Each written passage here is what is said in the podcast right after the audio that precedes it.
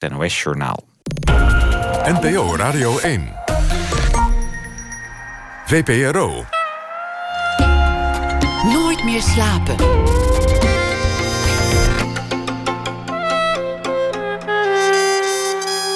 Met Pieter van der Wielen. Goedenacht en welkom bij Nooit meer slapen. Roderick Six is schrijver, geboren in West-Vlaanderen. En deze week houdt hij voor ons de analen bij. Een verhaal elke nacht na ene over de dag die achter ons ligt. Pepijn Schoneveld komt op bezoek. Hij heeft een nieuwe show. Alles moet nu is namelijk het thema. Stantepeden heet uh, het programma en hij is er na ene. En we gaan het hebben over uh, Marx. Want er is een uh, voorstelling gemaakt over de grote denker in de reeks Denkers in het Theater. Frank Lammers, die zal zo vertellen wat hij dan doet eh, op het podium. En we laten weten wat de mensen vonden van de film Three Billboards Outside Ebbing, Missouri. Komend uur praat ik met Aquasi, rapper, presentator, woordkunstenaar, theatermaker, platenbaas. Een week telt kennelijk 14 eh, werkdagen voor uh, Aquasi. Want hij doet het allemaal. Zijn formatie Zwart Licht heeft een nieuw album. Het was even wachten. Bliksem is daarvan de titel. En zoals de bliksem zo'n 100 miljoen volt stroom kan bevatten, is de energie op deze plaat ook duizelingwekkend. En in die stuiterende woordenstroom gaat het ook nog ergens over. Het gaat over identiteit, over kleur in onze samenleving, maar ook over vriendschap en over muziek. Aquasi, Anton Karel, Willem, Anton, Simon, Isaac werd geboren in 1988, is van Ghanese afkomst, groeide op in de Belmer en in Osdorp en hij deed de theaterschool in Maastricht. Maakte ook soloalbums, onder meer een eerbetoon aan zijn grote held Bram Vermeulen op uh, wie hij de naam inspireerde van zijn eigen platenlabel, Nederlands Doop. En verder presenteerde hij op televisie meerdere programma's. Onder meer over het slavernijverleden, een programma voor kinderen over hoe om te gaan met stress. En hij is ook regelmatig te zien in theaters en in films. Aquasi, hartelijk welkom. Uh, dankjewel. Fijn dat ik er mag zijn. Wat een mond vol zeg, die introductie. Ja, nu, nu hebben, we, hebben we eigenlijk alles al gezegd. Ja. Kunnen we gaan. Vind ik mooi. Vertel eens over, over, het, uh, over, over het begin van je leven. Waar, uh, waar heeft je wieg gestaan? Waar heeft mijn wieg gestaan? Ik, uh, als je het hebt over het begin van mijn leven, dan denk ik, dan denk ik aan de tijd dat ik in de Belmer woonde. Um, was een flat, een kraaiennest. En het kraaiennest zit nog steeds in mijn hart, ook al woon ik er niet meer. En je, hebt, uh, je had toen Kleiburg. En ik herinner me dat ik vier jaar ben en dat uh, Ajax speelde op tv en we, hadden, we aten fufu. Ik ben derde van vijf kinderen. Mijn broertje, uh, mijn jongste broertje, die lag toen nog echt letterlijk in zijn wieg, maar ik liep nog rond. En we woonden op de zevende verdieping. Zevende verdieping was het volgens mij. En op een gegeven moment hoorde je een keiharde knal. Het was een inferno van vuur. En dat bleek later uh, de Belmeramp te zijn. 4 oktober 1992. Ja, perfect. Onthouden, inderdaad. We gingen met z'n allen naar beneden. Het leek, uh, ik, zag, ik, ik, keek naar boven en um, het was best heftig. Ik onthoud dat nog wel heel goed. Ik zag mensen met Helly Hansen jassen. En mensen met slippers, maar ook mensen met badjassen. Uh, het was winter en zomer en herfst en lente tegelijkertijd. Maar het was ook zo naar en droevig om te zien. Want dan kijk je naar een flatgebouw en dan zie je heel veel vuur. Aan, aan de bovenkant van die flatgebouw. En, en je ziet brandweermannen met, uh, met die, die, die water zoveel mogelijk naar boven. Het zag er allemaal zo surrealistisch uit. Ik wil het bijna vertellen als een vierjarige. Zo, zo zie ik het ook voor me. Zo zag ik het ook voor me. En dat zijn beelden die ik nooit meer vergeet. En kort daarna verhuisden we naar Osdorp.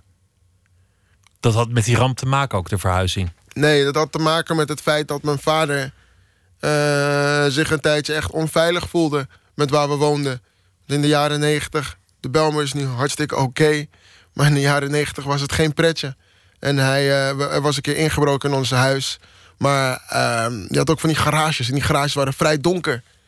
Dus het kon best wel angstig zijn als je dan je auto parkeert in die garage. En dan ga je met de lift via een soort van... ook een uh, duistere uh, galerij naar je woning. En mijn vader had een keer een confrontatie met twee mannen.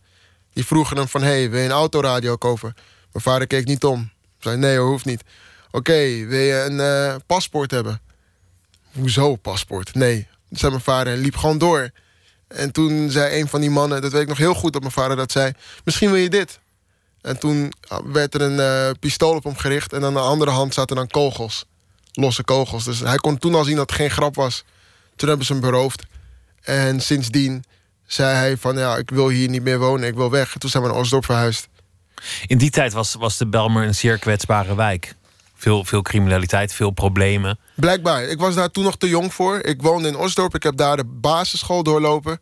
Een christelijke basisschool, de Sint Paulusschool. Dat was super fijn. Uh, tot mijn laatste periode. Daarna ben ik verhuisd naar uh, de Belmer weer. En daar heb ik de middelbare school gedaan. En toen was het helemaal oké. Ik heb echt een van de beste tijden van mijn... Ja, ik vond het super. Echt. Toen, toen was het een heel andere wijk geworden ineens. Ik denk dat het ook wel deels komt door gentrificatie. Natuurlijk. Dat is nu nog groter dan ooit in de Belmer. De Belmer is super hip. Uh, mijn eerste woning waar ik woonde in Kleiburg... die flatgebouw met iets van 17 verdiepingen hoog... dat is nu een kluswoning geworden. En daar kun je muren openbreken. Mensen hebben, de, mensen hebben de meest belachelijke, maar de mooiste huizen nu. Maar wel een soort van oud flatgebouw... wat vroeger best wel stigmatiserend was. Dat is nu heel populair aan het worden. Ja, dat is heel gek. Als het over de Belmer gaat, hoor je heel vaak over de Surinamers... maar veel minder hoor je over de Ghanese. Terwijl, terwijl er ook een enorme Ghanese gemeenschap is daar. Dat klopt. En ook al heel lang. Er zijn enorm veel Ghanese. Ik hoor ook steeds meer, omdat ik uit Amsterdam kom... en in Amsterdam woon en in Amsterdam werk... hoor ik steeds meer dat ze Ganzenhoef bijvoorbeeld... Uh, Little Accra noemen. En Accra is de hoofdstad van Ghana. Dat het, het is ook heel grappig. Ik heb vier jaar lang in Maastricht gewoond. Van 2008 tot 2012. En dan kom je voor het eerst weer na zo lang in Maastricht in de Belmen. En dan hoor je mensen gewoon Ghanese praten. Ik versta Ghanese, ik spreek ook Ghanese. En dan hoor je mensen om je heen Ghanese praten. Het voelde heel eventjes alsof ik in Ghana zat. En dat vond ik best wel mooi. Ik dacht echt van wow, dit is toch Nederland? Ik zat hier in de buurt op school, op de middelbare school. Maar ik hoor alleen maar Ghanese. En ik kan nu meepraten. Het zijn wel mensen die ik niet ken. maar ik had echt het gevoel van wow, ik kan met mensen meepraten. Ik volg dit allemaal. Het is wel echt veranderd. Voor je vertelde over, over de, de, de, traumatische ervaring van, van dat, dat vliegtuig dat neerstort op die flat, zei je, we gingen net eten. En toen noemde je een gerecht. Ja, fufu. Fufu. Wat, wat is dat, een banaan of zo? Iets met... Fufu is uh, eigenlijk aardappelpuree. Oh, aardappelpuree. eigenlijk aardappelpuree. En het is een equivalent van... Uh, ja, in Nederland zou je het kunnen vergelijken met stampot. Alleen zonder de andijvie en zonder de rookworst. In plaats van rookworst hebben we dan... Uh, gekookte kip gemarineerd in pindasoep. En het kan soms een beetje pittig zijn. Pinda tomatensoep. Het is een beetje een mix van aardappelpuree gedoopt in pinda tomatensoep met wat kipklijfjes ernaast. En uh, ik ben, begin nu al te watertanden. Het is al één uur s'nachts, maar nou, twaalf uur s'nachts. Ik, ik associeer de Ghanese keuken altijd met, met verschillende gebakken bananen. De, plantain, ja. ja. Plantain, plantain. Ja, rijpe bananen, bakbananen. Dat is een hele, heel Afrika met, met bakbananen kun je alles doen. En dat wordt gebruikt voor chips. Volgens mij is er ook crème van. Uh, je kunt het bakken, je kunt het koken, je kunt het grillen. Je kunt er echt van alles mee doen. Bakbananen zijn eigenlijk net als de aardappelen in Nederland. Maar dan in uh, Afrika. En vooral in Ghana. Ik heb een aflevering gezien waar jij in zat alweer eh, twaalf jaar geleden van, van Puberruil. Oh ja. En dan, dan, komt, dan komt een jongen uit, uit een heel ander soort gezin, een heel ander soort jongen, die komt wonen bij jouw moeder. Klopt. En jij komt dan in dat gezin van die jongen te wonen. Dat is Nico, ja. En, jouw, jouw moeder die, die, die kookt. Heel veel, heel veel gebeurt via dat eten. Klopt, klopt. In, in huis. Wij zijn, wij zijn echt opgegroeid. Ik zeg wij, omdat ik derde van vijf kinderen ben. En ik heb inmiddels heel veel neefjes en nichtjes. Familie over de hele wereld. En we hebben allemaal één gemene delen. Dat, en dat is eigenlijk dat als je je bord krijgt... dan eet je het altijd leeg. Eet je hem altijd leeg. We eten wat de pot schaft. We klagen niet over eten omdat niet iedereen op de wereld kan genieten van eten. Dus je gooit geen eten weg? Dat Absoluut, doe je niet. dat, was echt een, dat is echt een zin. Dat is echt een grote zonde. Dat heb ik echt wel afgeleerd. Dat mag niet. Vroeger was ik wel eens... Vroeger lustte ik... Vroeger kon ik echt niets met groenten. Spruitjes, andijvie, salade, uien vooral. Dat moest ik allemaal niet hebben. Dus dan had ik mijn mond gewoon helemaal vol. En dan zei ik dan, terwijl mijn mond vol was... Mmm, moet naar de wc. En dan uh, spoelde ik alles gewoon door. Maar nu eet ik alles. Ik, ik, ik, ik smul ervan, zeker. Er is weinig wat ik niet lust. Heb je een strenge opvoeding gehad? Um, ik heb wel een strenge opvoeding gehad. Ik, um, ik, ik zeg vaak dat ik de derde van vijf kinderen ben. Als je naar je hand kijkt, is de derde vinger ook de middelvinger. En ik was denk ik ook wel een beetje de middelvinger van de familie. Ik, ik, uh, ik, ik had wel heel vaak... Nou, ze zagen mij wel altijd als een probleemkind thuis. Omdat ik heel veel vragen stelde. En in een Ghanese cultuur is het niet helemaal, is het niet helemaal geoorloofd als je te veel vragen stelt. Want dan ben je al snel brutaal. Ja, je moet je plek kennen. En de oudere heeft altijd gelijk. Maar waarom dan? Nee, dat moet je niet doen. Dat, Daar ben je nog niet. Daar ben je nog niet. Niet zo brutaal. En dat, dat, dat kreeg ik wel heel vaak te horen. Uh, nu, is het, nu wordt het wel gezien als nieuwsgierig zijn. En dat is fijn. Ik denk dat het heel belangrijk is. Ik zal mijn kind zeker niet willen ontmoedigen als, ik straks, mijn, als mijn kind er straks is. Zeker niet willen ontmoedigen om vragen te stellen. Stel juist die vragen. De waarom-vraag is de meest belangrijke vraag op aarde. Maar uh, dat zagen mijn ouders en mijn familieleden toen niet in. En daar kreeg ik wel eens straf voor. Wat was het dan voor straf? Wat kreeg je dan? Uh, ik kreeg wel eens een klap. Ik kreeg wel eens een tik, omdat ik gewoon te brutaal was dan. Uh, want als je door blijft vragen, als je nog eens waarom vraagt, ja, maar waarom? Ga naar je kamer. Maar waarom moet ik naar mijn kamer? Wat kan ik in mijn kamer doen? Alles hier is in de woonkamer, iedereen is in de woonkamer. En dan zagen zij dat een beetje als gezichtsverlies. Tegenover familieleden of. Uh, ja, tegenover familieleden vooral. En dan moet je laten zien wie de baas is. En mijn vader is, is wel een tijd geweest dat mijn vader echt een boeman voor mij was. Dat je bang voor hem was? Dat ik zeker bang voor mijn vader was. Dat ik dan, denk van, dat ik dan dacht van, wow, oké, ik moet uitkijken met hoe ik tegen mijn vader praat. En soms is het beter om maar geen vragen te stellen. Dat, eh, Zo'n periode heb ik wel echt gehad, ja. Je vader is niet ook altijd bij jullie blijven wonen, hè? Die is op een gegeven moment weggegaan. Die is op een gegeven moment, nou, hij, hij reisde heel vaak heen en weer naar Ghana. En uh, mijn ouders zijn niet uit elkaar. Uh, sinds een jaar of zes of zeven zelfs. Maar hij is, niet altijd, hij is er niet altijd geweest. Maar hij is wel echt een vader in mijn leven geweest. Alleen was, ben ik wel meer moederskindje. Ik ben echt meer moederskindje geweest. Ik was wat closer met mijn moeder dan met mijn vader.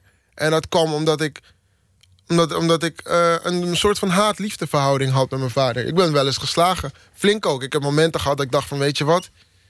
ik ren gewoon weg. Ik trek dit niet meer. Ik, uh, ik kan dit niet meer. En dat had dan ook deels te maken met het feit dat het op school niet zo goed ging de transitie van uh, de basisschool in Osdorp naar de middelbare school in Belmer. Heb ik wel aan hem te danken, want er was geen enkele school, middelbare school, die mij wou hebben. Ik heb echt een hele scholentour gehad en alleen maar nee gehoord in Amsterdam.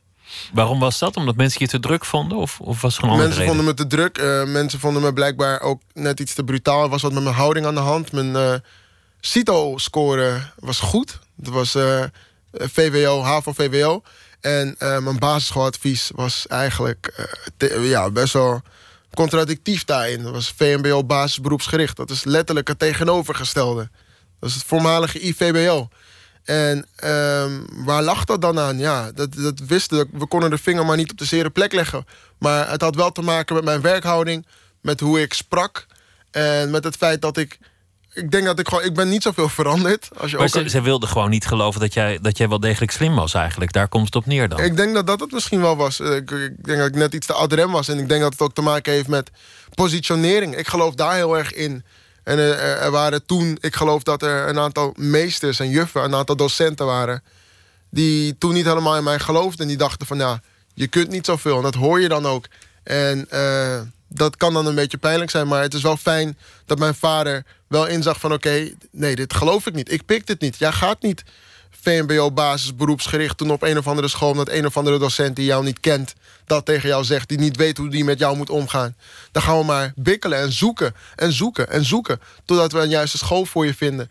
En dat werd toen per in de Belmer. En ik had, het, ik had het echt niet anders gewild. Dus je bent je vader daarvoor wel dankbaar... dat hij vertrouwen in je heeft gehad? Zeker, en zeker. niet bij liet zitten. Zeker. Mijn vader had gewoon een beetje... Het, uh, ik, ik, praat nog best wel vaak met mijn vader. En hij had gewoon het idee dat ik ooit uh, iets heel belangrijks zou doen. Dat wist hij. Hij weet dat. Hij weet dat nog steeds. En ik, ik ben ook trots op mijn vader dat hij mij daarin... Uh, in zekere zin heeft gedisciplineerd en de waarden van het leven heeft gegeven. Niet per se door de klappen van de zweep of klappen van de riem in deze zin, maar meer door mij zoveel. Hij, heeft, hij was een soort van. Hij is mijn persoonlijke predikant. Hij heeft mij zoveel preken gegeven. En ik was dan heel vaak aan het luisteren. Hij zei ook heel vaak: Mark it on the wall. Mark it on the wall. En Wat bedoelde hij daarbij? Dat bedoelde hij. Um, ja, wat bedoelde je daarmee? Mark het dan wel letterlijk. Schrijf het op de muur. Schrijf het op. Nou, niet per se schrijf het op je buik. Dat zeggen we in het Nederlands, toch? Ja. Schrijf het op je. Maar onthoud dit. Hou dit bij. Schrijf het op je muur, zodat je het iedere dag ziet. Datgene Ja. wat ik zeg. Schrijf het, op je buik, schrijf het op je buik wil vooral zeggen... eh, het gaat niet Gaat niet gebeuren. meer, ja, ja, ja, precies. Vergeet het precies. maar, En dat is, vergeet het maar, inderdaad, letterlijk. Maar dit was eigenlijk andersom. Van, schrijf het op de muur. Dus iedere dag als je wakker wordt, zie je datgene wat ik heb gezegd boven je bed. Dus, dus dat soort credo's, dat soort slagzinnen, soort van, heb ik altijd wel onthouden. Was de kerk ook belangrijk? Want je, want je vergeleek hem met een predikant De kerk was zeker belangrijk. Eh, maar ik heb me ook afgekeerd van het geloof. van het geloof een beetje. Eh, niet dat ik er wat aan kon doen. Ik viel heel vaak in slaap in de kerk. Omdat ik dacht van oké, dit duurt lang. Dit duurt heel erg lang. Duurt ook heel lang. Ghanese diensten duren extra lang. Ja. Eh, die heb je. Die Maar, heb maar je je. krijgt wel te eten, toch, in de kerk? Absoluut, ik krijg te eten. Ik ben, ik ben, ik, ik, ik ben opgegroeid met Sunday School. Dus een Ghanese variant van een kinderkerk soort van. Eh, en dat was heel fijn. Ik eh, ben gedoopt, ik heb de eerste communie gedaan. En het geloof heeft zich nu zeg maar omgetoverd in dankbaarheid. Ik ben vooral heel erg dankbaar. En ik denk dat dat ook heel erg belangrijk is. En ik bid ook altijd voordat ik eet. Maar dankbaar voor, voor wat? Voor alles wat ik heb, alles wat ik heb bereikt. Elke kant Voor, voor het leven. voor het leven überhaupt. Voor het feit dat ik, ik, ik, ik, mijn, mijn, mijn familie er is. Voor het feit dat ik gezond ben. Dat mijn vriendin gezond is. Dat ik kan doen wat ik wil. Dat ik, als ik zeg van oké, ik ga vandaag de hele dag in bed liggen. Dat ik dat kan doen. En als ik zeg van oké, ik wil morgen naar Nicaragua vliegen. Dan, dat ik dat ook gewoon kan doen. Dat, dat is niet voor iedereen weggelegd. En daar ben ik dankbaar voor. Ik denk dat dat ook heel erg belangrijk is. Dat je je dankbaarheid aantoont. Op het moment dat ik een kopje thee van iemand mag krijgen, dan kan ik al zeggen dankjewel. Dus die dankbaarheid is zo belangrijk. En dat mag je echt nooit vergeten. Je had het ook over, over je familie al, al een paar keer. Hoe groot is die familie? Hoeveel, hoeveel ne- neven, nichten, ooms en tantes zijn er? Waarvan, waarvan jij weet dat ze er zijn, zeg maar. Ik weet er het fijne niet van, maar ik weet dat mijn... Ik, ik vond het best wel gek. Ik moet het wel echt onderzoeken. Maar eh, ik ben soort van bezig met een onderzoek. Niet echt actief. Eh, mijn opa Kwame Frimpong Mensa. Dat is de vader van mijn vader. Die is getrouwd met vijf vrouwen. En met die vijf vrouwen heeft hij 41 kinderen verwekt. Mijn vader is een van die 41 kinderen. En binnen die 41 kinderen heeft hij 120 kleinkinderen. Eh, had hij 120 kleinkinderen. Dus je hebt 120 neven of nichten? Dan? Ja, 119. Ja, eh, in principe wel. Maar dan Ja, hebben we mijn 119, moederskant. Dan hebben we mijn moederskant eigenlijk nog niet eens erbij geteld. Mijn moeder komt ook uit een groot gezin. Maar dan ben ik nu nog dus aan het onderzoeken. Mijn moeders vader, die was ook best wel heftig.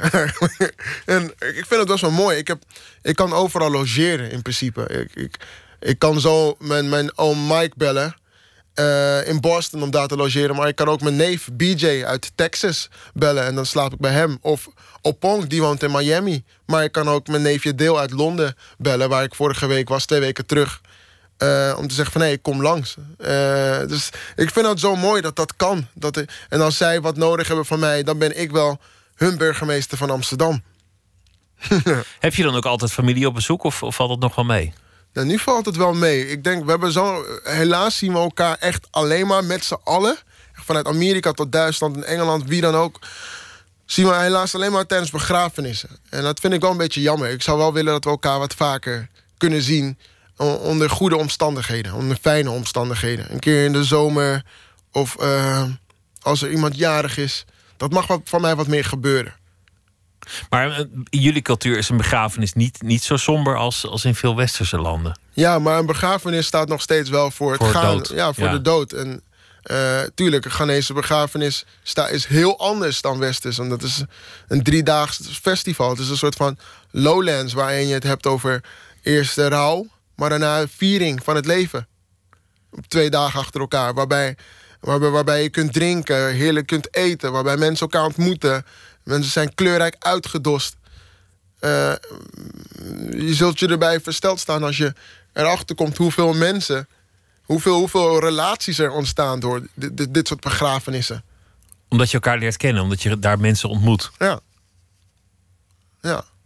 Hoe was het om een, om een Ghanese te zijn in, eh, in, in Osdorp eh, of, of, of in de Belmer? Wat, wat, wat was de positie van de Ghanese in jouw klas bijvoorbeeld? Ehm, er was Hoorde een jij, verschil. hoor- hoorde jij bij een groepje Ghanese? Of, of eh, Ik- werd je ja. erg opgenomen tussen, tussen alle anderen? Ging je om met de Surinamers? Hoe, hoe, hoe, hoe zat dat? In Osdorp was het niet echt een. eh, Het zijn eigenlijk twee hele uiteenlopende antwoorden. Want toen ik op de basisschool in Osdorp was het niet echt een issue. Er waren een aantal Ghanese, maar mijn beste vriend heette Danny. Danny, Danny. En ehm, Danny was half Nederlands en half in Indonesisch. En wij werden bestempeld als George en Shimi. Wij waren duo. Wij waren altijd samen. We waren onafscheidelijk. Van groep 1 tot aan groep 8. Totdat ik op school ging in de Belmer. En hij ging op school eh, in Oud-Zuid, Amsterdams Lyceum. Dat zijn ook twee verschillende werelden. Ehm, maar toen ik op school zat in de Belmer, merkte ik wel dat ik. eh, wel, dat, dat, dat mensen wat meer neerkeken naar mensen van een Afrikaanse afkomst, van een Ghanese afkomst. Eh, en dat vond ik best wel gek. Dat, vond ik, dat voelde wel heel erg raar. Ook, Zelfs ook- dat er, dat, dat ervoer je ook vanuit de Surinaamse mensen daar. Ja, je vult het er zelf al in, eigenlijk wel. Eigenlijk wel. En dan hoor je zo'n woord als bokku. En dan denk ik van, wat is dat? Bokku blijkt dan Surinaams te zijn voor stinkvis. Een soort van eh, vis, ik weet niet wat voor vis het precies is. Maar het is scheldwoord voor de Afrikanen. Ja, het was een soort van scheldwoord voor de Afrikanen. En ehm, dat was gewoon een soort van onderlinge discriminatie. En dat vond ik best wel gek. Daar schrok ik wel van en ik werd daar ook best wel boos om. Mensen hebben het wel afgeleerd. Ik kon, toen, ik kon me toen niet zo goed verwoorden als nu. Dus ik, ik liet mijn handen wel spreken. Mijn benen. Maakt niet uit. Dus maar je gaat me geen bokkoe noemen. Als iemand je bokko noemt, dan krijgt hij gewoon een hengst. Kreeg gewoon een klap. Ja. Klap, hoe bedoel je? Wat, wat zei je nou? Nee, zeg het eens nog een keer. Dat had ik, want dan moet je, en vooral op die school waar ik zat, je moet je dan echt niet laten kennen. Je moet even echt laten zien van oké, ik ben nu de autoriteit. Als jij dit nu zo doet, als jij dit zo tegen mij zegt, dan heb je een probleem. En als je het toelaat, dan gaan meer mensen. Dan had je, de hele jaar, had je het gewoon het hele jaar last van. Maar toen ik jou zag in die aflevering van Puberel... Jij kwam in een, in, een, in een moeilijke omgeving van, van een soort skinheads... met een soort nationaal-socialistische sympathieën hier en daar... in die vriendenkring althans. Ja. En, en eh, een, een aantal zeer racistische opmerkingen kreeg je meteen naar je hoofd. Maar, maar, maar je liet je van je beste kant zien. Want je was eigenlijk al heel jong een soort bruggenbouwer.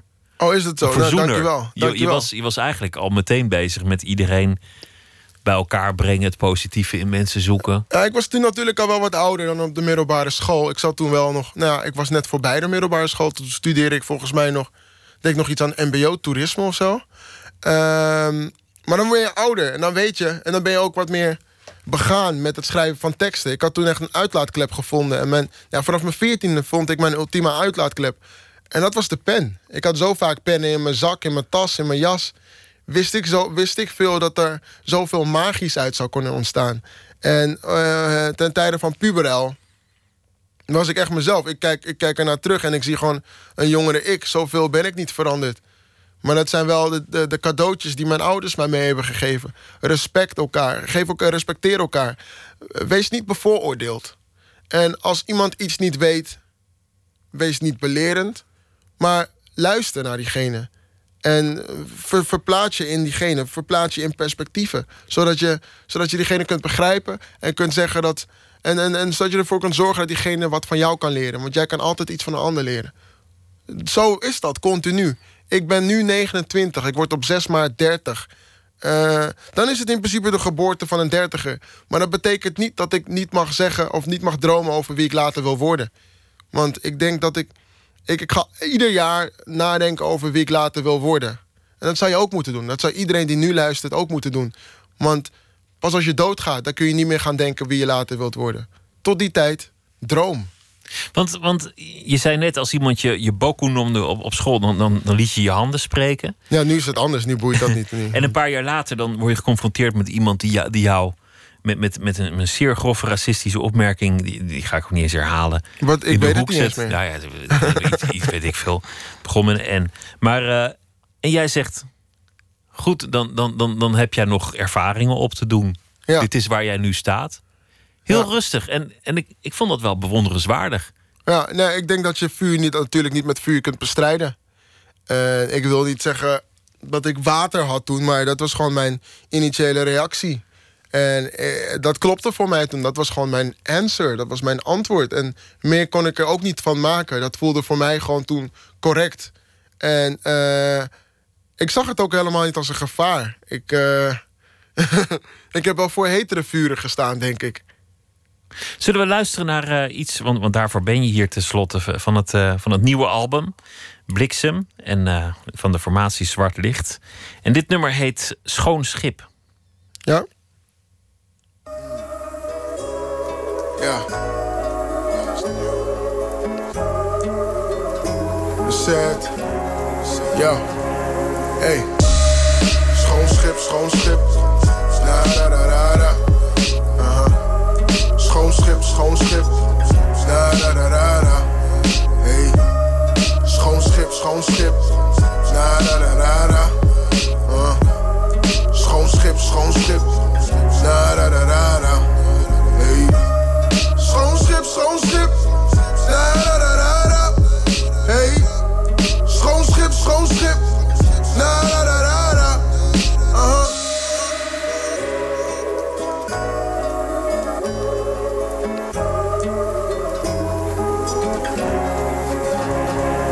Noem hem een vrijgevochten knaap of een vrijgekochte slaaf. We zien hem hier op zee met de ochtend in zijn maag. Voelde zich zeeziek, vraag Hazy. Geplukt uit zijn eigen habitat, waar gaan we naartoe, ik weet niet. Het liefst ging hij terug naar zijn baby's of naar zijn vrouw. Hij hoorde via dat een gereld uit voor cacao of suiker. Vragen naar de lucht, kijken, voel die cijfer. Hij wil gewoon een nieuwe start, een schone lijn. Weet je wel wat scheepslieden volop hard zeggen? Gewoon schrobben, maar de vlekken blijven hardnekkig. Een schip vaaien, handel drijf je. Hij kijkt omlaag en ziet wat mannen drijven. Dus hij gaat ervoor maar zinkt, schoon schip.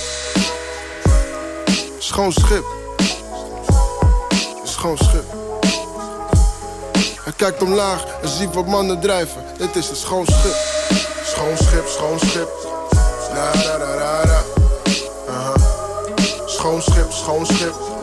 Da da da da. Hey. Schoon schip, schoon schip. Da da da. Uh. Schoon schip, schoon schip. Da. Hey. Schoon schip, schoon schip. Da da da da da. Hey. Schoon schip, schoon schip. Da da da da da. Ruik je de zee al? Is al het kots en al het bloed. Altijd een beetje angst als de kapitein wat roept. Gisteren gingen twee zusters overboord. Zie geen mensen in ons. Nee, niet hetzelfde soort. Lager dan de tweede Ransburg. Op elkaar gedrukt. Van de koning naar de slaaf met de zweep onder druk. Dus mijn moeders en mijn zus als God brengt me snel terug. Maar heb ik het afverdiend? Zweepslagen op mijn rug. Littekens op mijn littekens. Op water meer dan drie weken. Weinig tot geen eten. Want een slaaf moet je eerst breken. Kocho tot Sissi, Abena, Bata, Vinti. Kwaku en ja plus Fifi. Weigerde zo te leven, sterfte in de fitty. Voel me vaak Remy op een heel schoon schippie. Onderweg, ik weet niet waar. Voel me machteloos, dus schrobben maar. Schoon schip, schoon schip. Da da da da. Uh -huh. Schoon schip, schoon schip. Da da da da da. Hey. Schoon schip, schoon schip. Da da da da da. Uh. Schoon schip, schoon schip. Da da da da da. Hey. Schoon schip, schoon schip. Da da da da da. Hey. Schoon schip, schoon schip. Da da da da da. Uh-huh.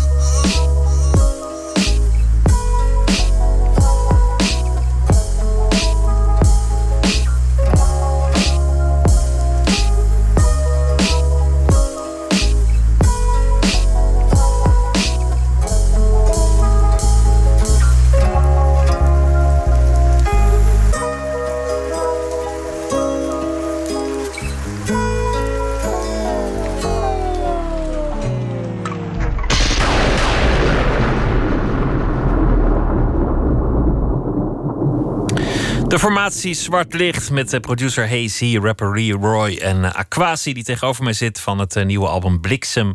Het nummer Schoon Schip. Dat Ja. ook gaat over uh, het afrekenen met dingen die in het verleden zijn gebeurd. Klopt. Het voortaan beter doen. Wat je net eigenlijk ook zei. Je elke keer opnieuw afvragen wie wil ik eigenlijk zijn? Wie Dat wil ik waar. eigenlijk worden? Ja. Dat zijn, eh, zijn thema's die jou eh, bezighouden. Veel op dit album, eigenlijk ook, ook in jouw eerdere werk, gaat het ook over eh, allerlei discussies die in de samenleving spelen. Over, Ja. over discriminatie, over kleur, over identiteit, over toegang, over eh, hoe mensen tegenover elkaar staan. Dat zijn, dat zijn thema's die, die, waar je op een gegeven moment over bent gaan schrijven. ik merk wel dat dat Eh, zwart licht is daarin gewoon een belangrijk hoofdstuk in mijn leven. Eh, een belangrijk factor in mijn leven, is onderdeel uit mijn leven. En daar kan ik dat soort thema's heel goed in kwijt. Maar als je het hebt over mijn soloplaat... waarin ik liedjes van Bram van Meulen heb bewerkt... daar ergens, die ik in 2014 heb uitgebracht... daar dacht ik wel even niet aan identiteit. Om het even onder één paraplu te noemen. Ehm, dus zo heb je een soort van een, een tweestapsraket... waar ik mee kan werken. Maar het is nu weer even tijd om dit soort kwesties aan te pakken. Vind ik heel erg belangrijk. En dan kunnen dat soort discussies of debatten mij niet ontgaan. En vind ik het wel heel erg belangrijk om het te benoemen. Want zwart licht staat voor alles wat we, al het zwarte wat we in een goed daglicht willen plaatsen. Dus ik, ik, kan het, ik, ik herhaal dit al sinds 2007. Ik ga het nog eens herhalen. Alles wat zwart is, is negatief. Want dat is nu, nu zo'n discussie die, die leidt ineens op over, over, over woorden. Hè? Van, van blank staat voor zuiver en, en wit niet. Klopt. Maar eigenlijk hoe je het ook wendt of keert met al. Eigenlijk heeft elk woord diezelfde associatie. Donker, zwart, dat is allemaal slecht. Ja. Wit, blank, maakt eigenlijk ook niet zoveel uit. Hè? Iemand, heeft een, een, iemand werkt wit of heeft een, uh, een, een, maar het zijn een toch witte nog wel, kerfstok. Of... Nou, het zijn toch nog wel tegenstrijdigheden, contradicties aan Zeker, elkaar. ja. Dus, dus, dat, dat, dus dan is het, het verschil is toch nog wel immens groot. Op het moment dat jij uh, dient te zeggen dat je een blank persoon bent en ik dat ik, en dat ik een zwart persoon ben. Als we dat echt ontcijferen, dan, staat, dan is dat mijlen ver uit elkaar. Dan zijn dat werelden uit elkaar. Heb je de onderwereld en de bovenwereld. Heb je de hemel en de hel. Heb je het glanzende en het verschrikkelijke. En zo kan ik maar doorgaan. En, en, dat is best wel heftig. Maar dat is iets wat in de oudheid is bepaald. Daar ga ik me niet veel te lang om bekommeren. In, in, in, in, in lange, ellenlange debatten. Daar heb ik helemaal geen zin in. Nee, ik gebruik zwart licht eerder. En de muziek eerder als kunstvorm.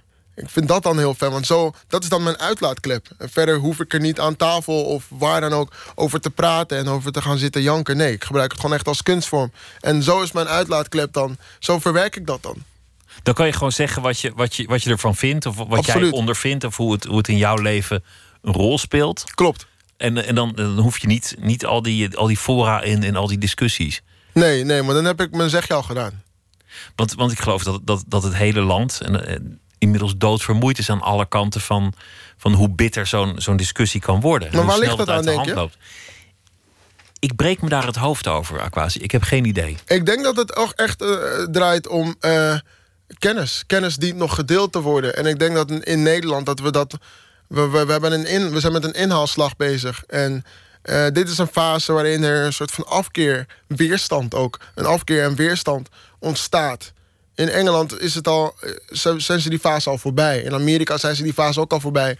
Omdat ze een langere geschiedenis kennen met dit soort discussies. In Nederland komen we in die zin net kijken. We hebben nog flink, als we hier nu al moe van worden, eh, hou je dan maar goed vast. Want het gaat echt nog meer worden. Mensen worden nu nog slimmer door het internet dan door, door, door alles wat op ons pad komt nu. Ik, als het gaat om de middelbare school heb ik niets meegekregen, meegekregen van Marcus Garvey, Martin Luther King, Malcolm X. Dat heb ik allemaal via het internet geleerd.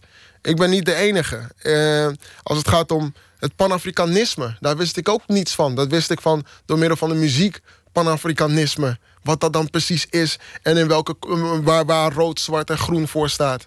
Rood, zwart en groen is zeg maar het rood, wit en blauw, maar dan voor de zwarte man. Weet je, dat wist ik niet. Dan moest ik echt helemaal naar Amerika voorreizen. In de straten van Harlem. Voordat ik wist wat voor kracht er in zo'n vlag staat. En wat, wat, wat, wat dat betekent voor de zwarte mensen daar in Harlem. En de Afro-Amerikanen überhaupt. En wat Black History Month in februari in Amerika betekent. En wat Black History Month uh, in Engeland in oktober betekent. Waarom dat zo belangrijk is. Maar ik snap ook heel goed dat iemand als Morgan Freeman vroeger zei van... ja, Black History Month. Heb je Jewish History Month? Nee. Waarom zou ik dan moeten wachten op Black History Month? Waarom zou ik mijn geschiedenis allemaal moeten redu laten reduceren door, door, tot één maand? Waarom zou dat? Ik snap dat ook. Maar ik vind het wel belangrijk dat we blijven praten. Want als we niet blijven praten met elkaar... dan leren we niets van elkaar kennen. En dat is ook wel heel erg belangrijk. Je had je ook opgeworpen als ambassadeur van het uh, boek van Ewald van Vught. Dat uh, oh ja, klopt. Roofstaat. Klopt, ja. Dat is een, een, een boek waarin hij eigenlijk allerlei kanten van de Nederlandse geschiedenis benadrukt. Die normaal misschien wel of niet genoemd worden, maar in ieder geval nooit een aparte geschiedenis hebben gekregen. Namelijk wat, wat de Nederlanders hebben uitgespookt. Nou, in niet de genoemd worden. Ik denk dat het gewoon echt. Het is een soort van marketing techniek geweest... waarbij er, er heel, veel, heel veel stukken, heel veel hoofdstukken eigenlijk... Hmm, ja, niet genoemd werden. Ik denk dat, dat, dat daar moeten we. Dat, dat is gewoon heel erg belangrijk om te benoemen en om te blijven benoemen. En ik, ben, ik, ik word daar heel blij van als ik kinderen, als ik tieners zie met een uh, roofstaat compact of een roofstaat. Ik denk, ik eer Kees de Koning voor het feit dat hij de moeite heeft genomen om dat naar buiten te brengen. Want uh, dat had hij echt niet hoeven doen. Want hij heeft eigenlijk een, een, een platenlabel, ook andere dingen doet hij. En hij bracht dit boek uit.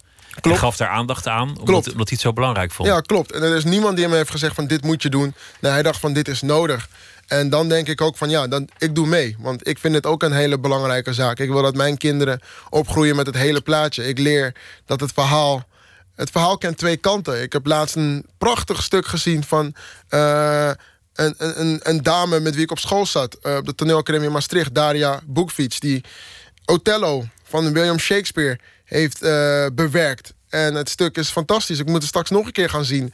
Maar wat ik zo mooi vond, is dat uh, Jago, uh, de, de soort van de gedoodverfde concurrent van Othello, die ook luitenant wil worden, om het heel kort door de bocht te zeggen, die had gewoon een bepaalde jaloezie voor Othello, die een zwarte luitenant is, die dan uit de grachtengordel zeg maar komt.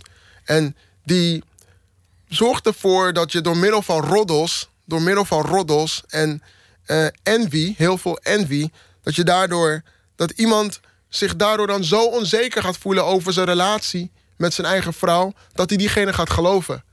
Maar we vergeten dat ieder verhaal twee kanten heeft. En dat is precies hetzelfde met, als met geschiedenisboeken en roofstaat. Ieder verhaal heeft twee kanten. Roofstaat is die tweede kant. Dus daar moet je, als je een boekenkast hebt, dan moet roofstaat twee keer in je boekenkast zitten. Waarom twee keer eigenlijk? Omdat je de grote versie hebt en de compacte oh, versie. Oh, ja, ja, je deed een serie voor de, uh, ik geloof de NTR, over, over het slavernijverleden.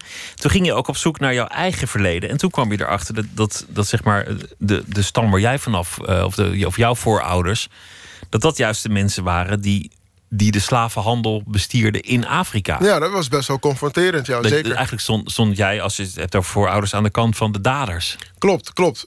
Uh, de, mijn, mijn, mijn voorouders, nou, ik kom uit de Ashanti-stam in Ghana. Uh, Ghana, voor de duidelijkheid, is West-Afrika. En Ashanti is Kumasi. Kumasi is de tweede stad van, um, van Ghana. En, en, en daar had je dan uh, de rijke de rijke Ghanese, zeg maar. En die, die handelden vroeger in de 17e eeuw uit mijn hoofd. Ja, die handelden toen met de Nederlanders.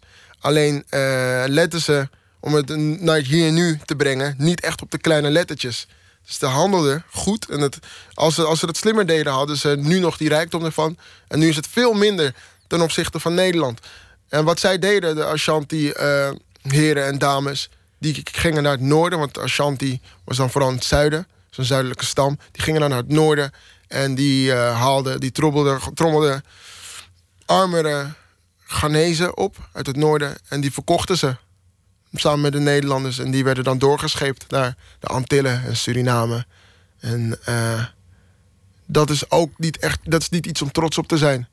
Maar ik denk ook wel dat ze een beetje misleid zijn geweest in die tijd. Maar dat, dan geldt voor jou hetzelfde, wat eigenlijk ook geldt voor, voor, voor de, de Nederlanders en voor zoveel mensen. Dat dat je niet schuldig bent aan datgene dat je voorouders hebben gedaan. Nee, zeker. Maar ik ben. Ik bedoel, je moet het verleden kennen en je moet het niet, niet, niet toedekken. Maar het wil niet zeggen dat, dat jij iets slecht hebt gedaan. Je was absoluut, er niet. absoluut. Ik ben de laatste die gaat zeggen, die echt een vinger gaat wijzen. Want als ik die vinger wijs, wijs ik meer vingers dan mezelf. Ik, ik denk alleen dat het heel erg belangrijk is dat als je jezelf ziet, zeg maar, om in metaforen te spreken als een boom en je wilt groeien, dan moet je je wortels kennen. Dan moet je je roots kennen. Ik denk dat dat gewoon echt heel erg belangrijk is. En op het moment dat je je roots niet kent, dan is er, in het, zoals in Engeland zeggen of in Amerika, dan is er gewoon a huge amount of ignorance. En, en die onwetendheid, ja, ontketen je van die onwetendheid. Zorg ervoor dat je wel weet waar je vandaan komt. En dat is alles. En uh, ik, ik, ben, ik ben absoluut geen slachtoffer, nog dader. Maar dat ben jij ook niet. Want wij kunnen er allemaal niet zoveel aan doen. Maar het is belangrijk dat we weten wat er toen gebeurde. Zodat we verder kunnen. Maar laten we dat niet gaan negeren. Of dan, ja, het is zo lang geleden. In principe is het niet zo lang geleden. Want er zijn oma's. De moeder van iemands oma kan al een slavin geweest zijn. Ja, dus dat in die zin kan, kan het nog uit tweede hand een verhaal zijn, zeg maar. Zeker. Je wilde al heel jong naar de theaterschool. Dat, dat kwam eigenlijk op je pad. Dat, dat, je ineens dacht, dat is, dat is mijn missie. Dat is heel gek. Ik, uh, op mijn veertiende deed ik voor het eerst mee met kunstbenden. Categorie, en toen wilde ik dat doen als jonge rapper nog. Maar categorie muziek was eerst vol. Categorie theater was ook vol. En de eerste keer ik meedeed was de categorie alles mag. En die, die categorie spreekt nu voor alles wat ik doe. Want alles mag ook letterlijk. Dus ik wist ik nooit geweten dat dat zo baandoorbrekend voor mij zou kunnen zijn. Maar het is wel heel, er is wel heel veel ontstaan met het theater. En, en ik, ik, ik, ik hou van het theater. Ook al ga ik niet meer zo vaak naar theater als ik zou willen. Maar ik heb er wel zoveel van opgestoken. En uh, het is wel een belangrijk element uit mijn leven, zeker. Je is de wereld niet een groot theater? Ja. Groot schouwspel. veel dingen zijn theater in ieder geval. Of, of, en, soms ook poppenkast, trouwens. Ja, oh ja, ja, heel veel maskers op. M-E-S-K, ja. zeker. En, zeg je goed. En op die, op die toneelschool, en, en, en dat, dat vind ik eigenlijk heel wonderlijk en, en grappig... werd jij enorm gegrepen door het werk van Bram Vermeulen. Ja. jouw grote held. Ja, Bram Vermeulen is een beetje een... Is, ik, ik, ik noemde hem wel eens mijn Mr. Miyagi. Ik, uh, ik heb hem nooit ontmoet. Ik vind het echt jammer ik zou echt willen dat, ik, uh, dat er iemand in mijn leven was die had gezegd van... oké, Bram Vermeulen, die moet je echt een keer ontmoeten. En ik, uh, het had nog gekund, Het had nog gekund. Hij is in 2004 overleden, volgens mij. Um, en ik heb hem helaas pas in 2011 leren kennen. Uh, en ja, dat geluk heb ik altijd... dat ik gewoon hele toffe muzikanten of toffe personen leer kennen als ze dood zijn. Hoe leerde je het kennen? Er was een collega van mij, ik hoop dat hij luistert. Ik weet het niet, Wilhelmer van Efferink. Die komt uit Utrecht. En uh, um, ik vertelde hem over mijn verhaal uh, met Danny, mijn, mijn basisschoolvriend. Dat wij echt uh, door dik en dun de beste maatjes waren. Maar op, op, het moment dat we naar de middelbare school gingen... dus ik in de Belmer en hij in Oud-Zuid... groeiden we gewoon uit elkaar. We, verwaarloosden gewoon al die jaren die we samen hadden doorgebracht. En dat die, snap, die vriendschap ging die verloren. vriendschap ging gewoon echt, die vriendschap ging dood. En ik snapte er gewoon helemaal niets van. En um, toen zei hij, ik vertelde hem dat en ik vertelde dat ik dat wilde wijden. Ik wilde een theaterstuk aan wijden. Ik wilde er iets mee doen. Of het nu muziek was. Ik dacht, ik dacht aan muziektheater. Ik was een beetje met hem aan het sparren. En toen zei hij van, weet je wie jij moet luisteren? Bram Vermeulen. En luister dan naar de wedstrijd. Dan moet je echt luisteren. Dan heb ik het in mijn notities opgeslagen op mijn iPhone. En voor ik het wist, zat ik op Terschelling... om even in mijn eentje op schrijverskamp te gaan... in een, in een, in een huisje daar. En het was zondag. En uh, het was stil in huis. En ik, ik, kijk even naar mijn notities. Ik zie Bram Vermeulen de wedstrijd. Oh ja, wat is dat nou? Even kijken. Bam! Er ging zo'n nieuwe wereld voor mij open. Ik dacht van, wow, wie is dit? Waarom is zijn stem zo rauw en hees? Hij klinkt als, als ik rap, dan ben ik rauw en hees. Als ik soms praat, heb ik dat een beetje. En hij heeft dat als hij zingt.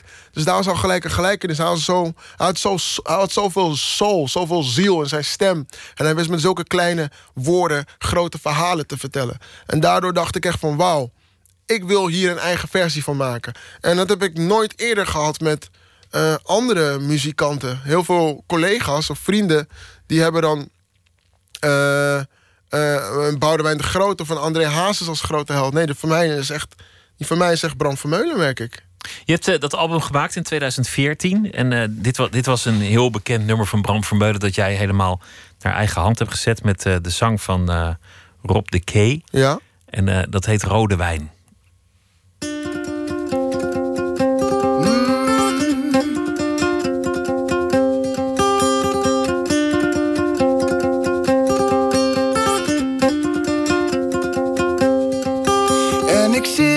Als een zagerijn. Want jij bent weg en ik ben alles kwijt. Je nam mijn bank en mijn bier en mijn geheim. Maar ik kan alleen zijn. Dat is wat ik wil, wil, wil, wil, wil. Helemaal alleen zijn.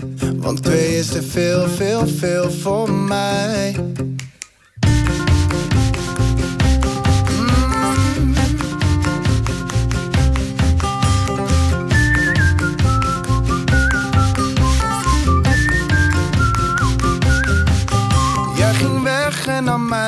Eens mee. Toch blijf je hangen als de vlek in het kleed. En van de rode wijn een fles is niet eens leeg. Kom, laat ons vrolijk zijn. Laat ons vrolijk zijn.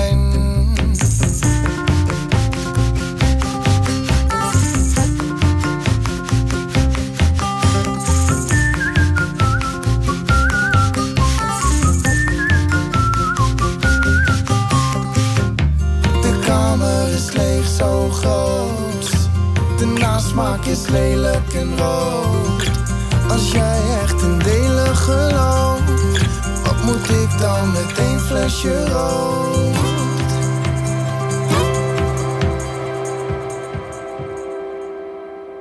Ik denk na, want ik heb alle tijd. Alles leeg, dus ik schenk maar wat bij. En ook al is deze smaak niets voor mij, kom laat ons vrolijk zijn. Laat ons vrolijk zijn.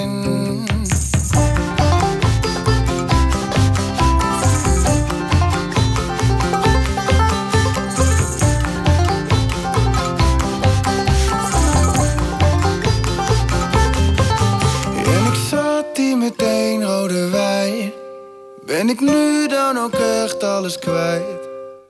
Vrolijk zijn,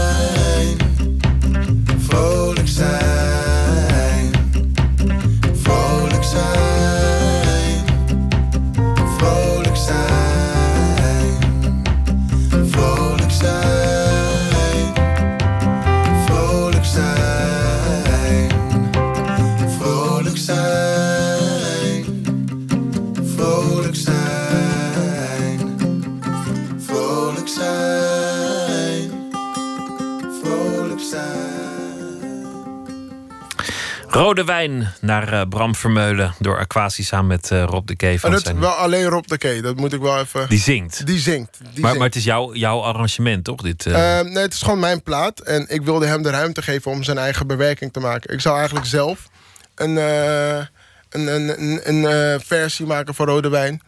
Maar we hebben ervoor gekozen dat hij dat het beste kon doen. Ik wilde hem echt een plekje geven, omdat ik hem gewoon een groot talent vond.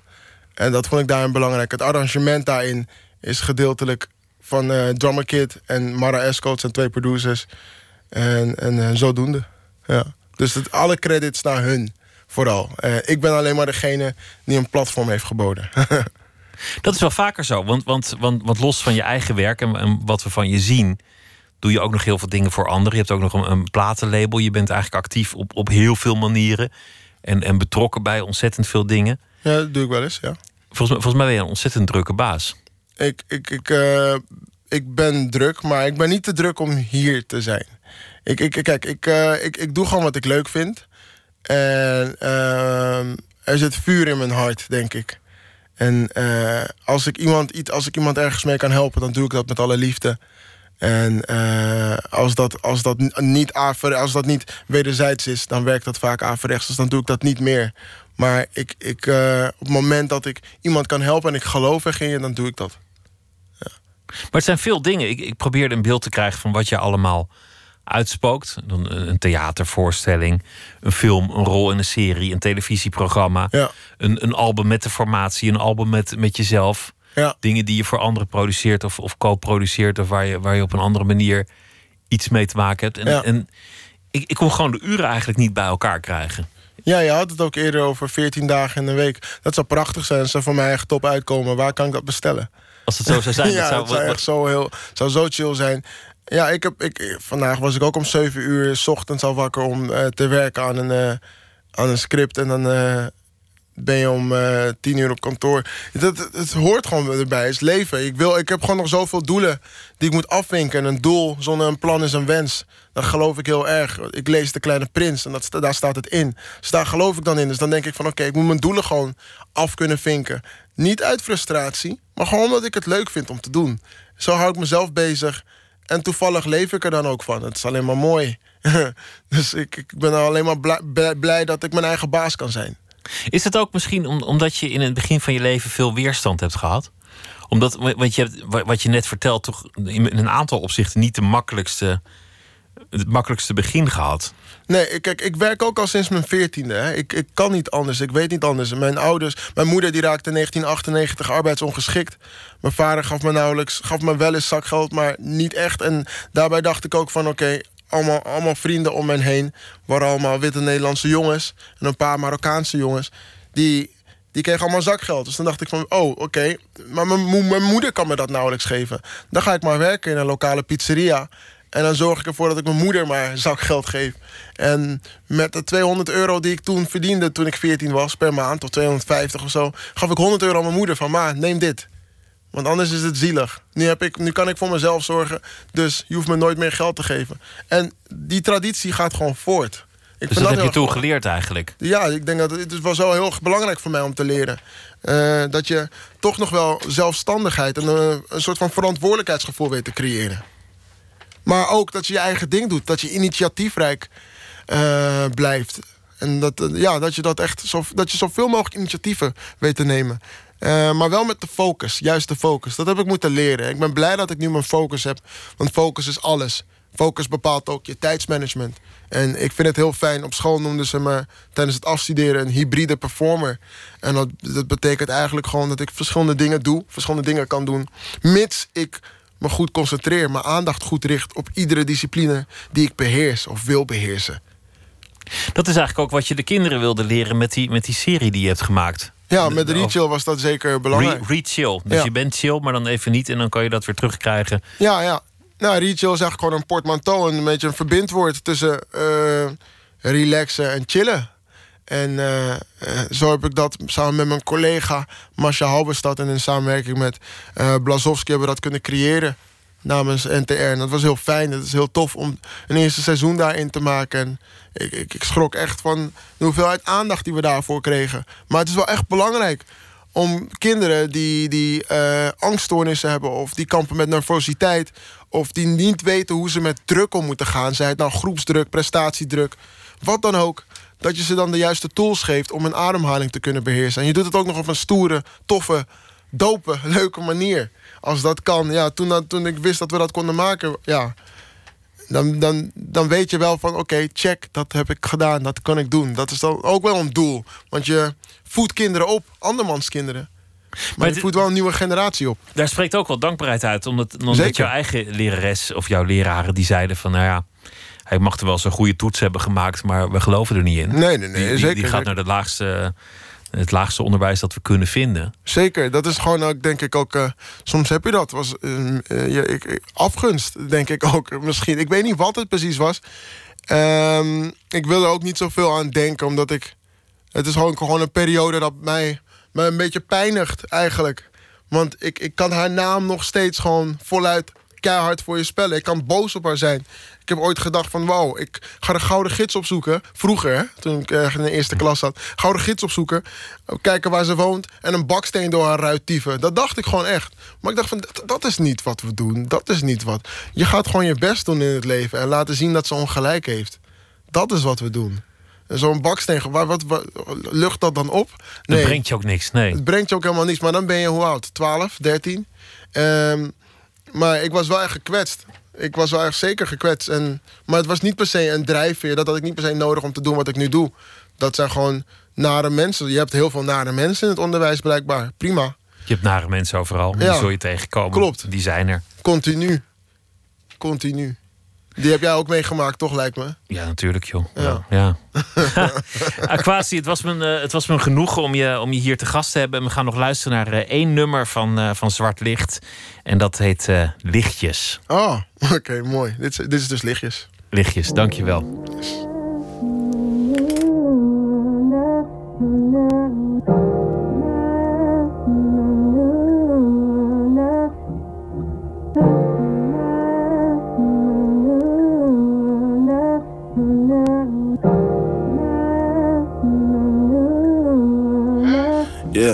God vergeef me, God vergeef me, maar mijn mensen willen eten. Kan niet wachten op een paradijs, het midden in een hel. Voel de hitte onder mijn voeten, voeten die krijgen bladen. Ik heb best een goed conditie, maar deze, dit is een zware. Zoveel dagen, zoveel maanden, al die jaren nog steeds gaande. Zoek ik antwoord op mijn vragen. Ik ga diep broer, mijn inhoud bestaat uit meerdere lagen.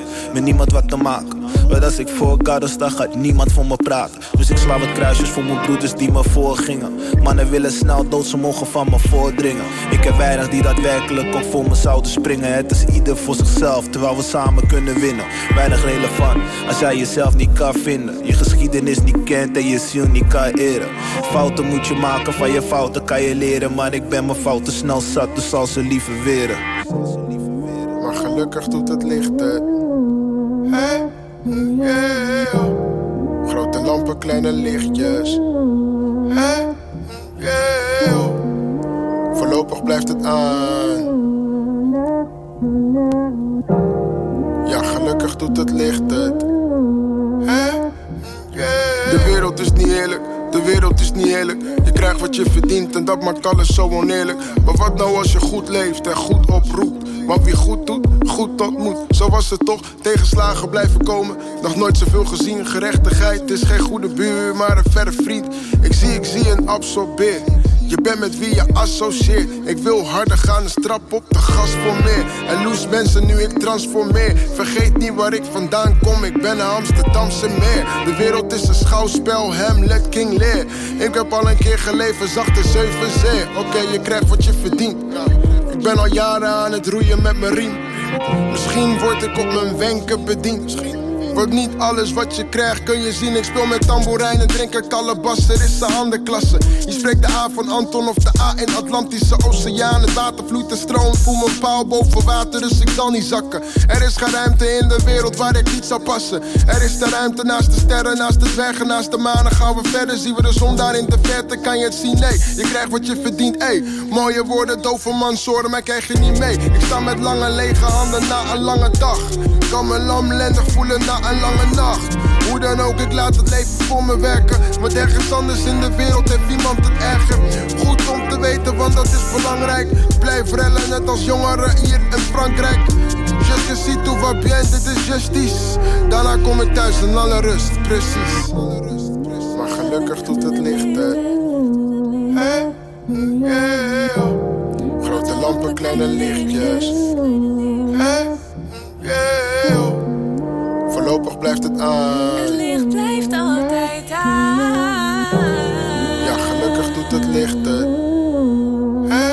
Ah, van twijfelen word je onzeker. Van niet luisteren onweten. Bereik mijn doel met of zonder omwegen. Wat je wil zou me naar ons schelen. Ik kan wachten tot je naar ons weegt. Ontsteeg mezelf, ben nog steeds mezelf. Ik kan moeilijk hier veranderen. Van het eh, nieuwe album Bliksem van Zwart Licht was dat eh Lichtjes en Aquasi van de formatie. Die was hier eh, net te gast. Zometeen meer in Nooit meer slapen. Onder meer Roderick Six en Pepijn Schoneveld. Twitter, het VPRO NMS in de podcast. Via de site van de VPRO, vpro.nl slash Nooit meer slapen.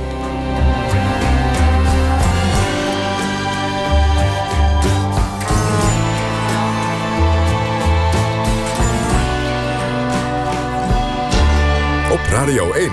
Het nieuws van alle kanten.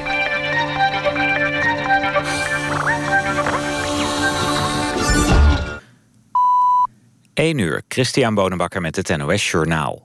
Het treinongeluk in South Carolina, waarbij zondag twee doden vielen... kwam doordat een wissel verkeerd stond. Een veiligheidssysteem dat de botsing nog had kunnen voorkomen... was uitgeschakeld omdat het juist werd vervangen door een nieuw systeem. Dat zegt de Amerikaanse Transportveiligheidsraad. Een passagierstrein botste daardoor met een snelheid van 80 km per uur... op een stilstaande goederentrein. De twee doden zijn medewerkers van spoorbedrijf Amtrak. Meer dan 100 inzittenden raakten gewond, van wie enkele er slecht aan toe zijn. Het was voor Amtrak het vierde dodelijke ongeluk in twee maanden tijd.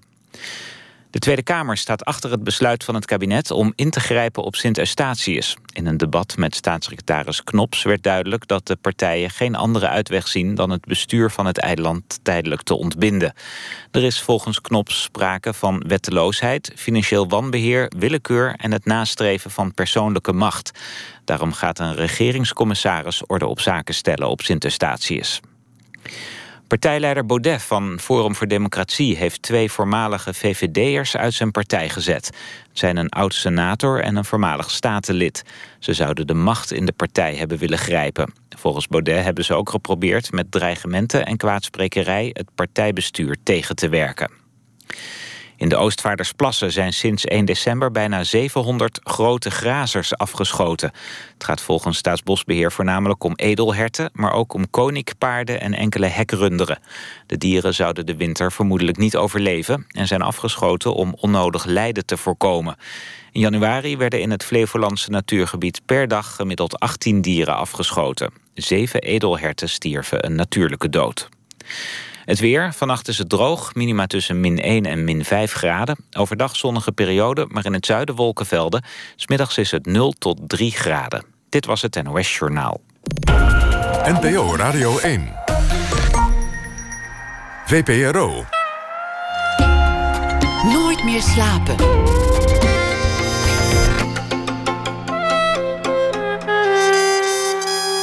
Met Pieter van der Wielen.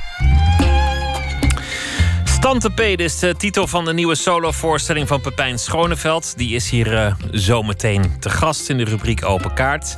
En we bespreken de film Three Billboards Outside Ebbing, Missouri. De favoriet van de critici, de favoriet van de juries en de prijsuitreikende instanties. Maar wat vond uh, de man op de straat of de vrouw op de bank of... Uh, nou ja, wie dan ook eigenlijk, de, de niet-professionele filmkijker. Dat hoort u zometeen. En uh, de Vlaamse schrijver Roderick Six zal deze week elke nacht een verhaal maken bij de dag die uh, is verstreken. Twee romans geschreven tot nu toe: Vloed en uh, zijn boek De Val. En hij heeft ook samen met Thomas Blondeau, droef overleden in 2013 veel te vroeg, een boek gemaakt dat heet De Boekendokter. Deze week dus elke nacht een verhaal van zijn hand. Roderick Six, goeienacht. Goeienacht. Een lange week voor de boeg. Vier dagen lang elke nacht een uh, verhaal bij de voorbije dag. Ik uh, ben benieuwd wat uh, het eerste verhaal wordt. Ja, ik, heb het, ik wil het nog eens over de dood van Menno Wigman hebben. Dat blijft toch hangen, vind ik. Ja, zeker. Dat, dat schoot dit weekend meerdere malen door mijn gedachten ook. Mm -hmm. Ja, ik merkte dat. Uh, ik, ik, hoorde het nieuws van uh, Oscar, Oscar van Gelderen, die waarschijnlijk ook bij jullie in de studio zit deze avond. En um, ja, het, het, sloeg wel een beetje in als een bom. Dus ik wou het er zeker nog eens over hebben, want dode mensen worden zo snel vergeten. Ja, nee, Oscar die komt later deze week nog. Die is er nu niet. -hmm. maar, okay. maar goed, hij vertelde jou het nieuws. En ja. Het, ja, het zou mijn liefding waard zijn als Menno niet vergeten wordt. Dus ik ben blij dat je er een verhaal over hebt gemaakt. Ga je gang. Oké, okay, dankjewel. Lieve Menno, weet je nog, die avond dat we mochten voordragen in Ardooien. In een klein geheugd, diep in het donkere West-Vlaanderen, in een zacht verlichte kapel, enkel omringd door weilanden en de adem van de nacht. Na de verzen en het applaus, ergens loeide een bronstige koe, werden we ondergebracht in een zakenhotel op een industrieterrein. Op een nachtportier na waren we de enige gasten. Het was weekend en de economie lag plat. En we slenterden door de verlaten gangen en roofden een laatste fles rode wijn uit de onbewaakte bar. Je praatte over je zieke moeder. En ik, vertelde, ik, en ik vertelde je hoezeer ik van legioen had genoten en hoe jaloers ik was op die titel, op je regels, bevolkt met demonen. Je zweeg minzaam. Lieve Menno, ik herinner me nog die legendarische nacht in Café Schiller, waar ik me niets meer van herinner. En lieve Menno, ik herinner me nog de laatste keer dat ik je zag. Op een diner in het Gouden Paleis van onze uitgever Mai Spijkers. De dresscode was blauw, maar dat had ik netjes genegeerd. Gelukkig droeg jij ook een zwart pak, want het leven is rauw en alles wordt as. Lieve Menno, ga nu maar. Voor een laatste keer langs de grachten, voor een laatste keer de eindeloze nachten. En vaarwel, lieve Menno, vaarwel. Bij de dood van een uh, gevierd dichter uh, die vorige week uh, de, het leven verliet. Roderick Six, dank je wel voor dit verhaal over, over Menno Wigman. Oké, okay, dank je wel. Ik zie uit naar de week en ik spreek je morgen weer. Oké, okay, fijne nacht nog. Goeienacht.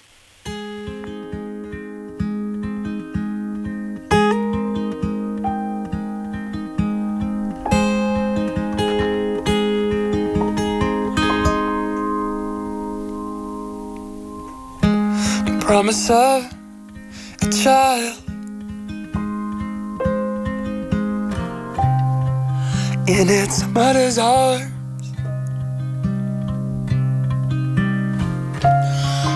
Worth more to me than a thousand of yours.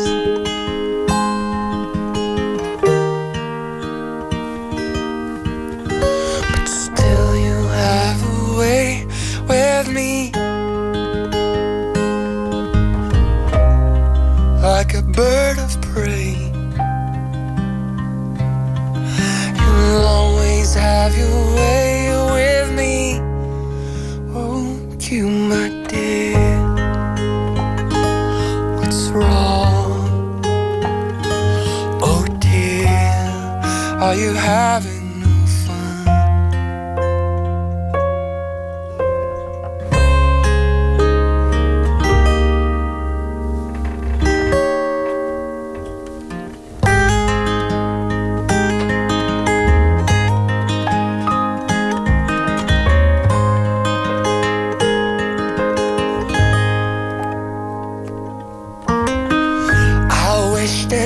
Was about you.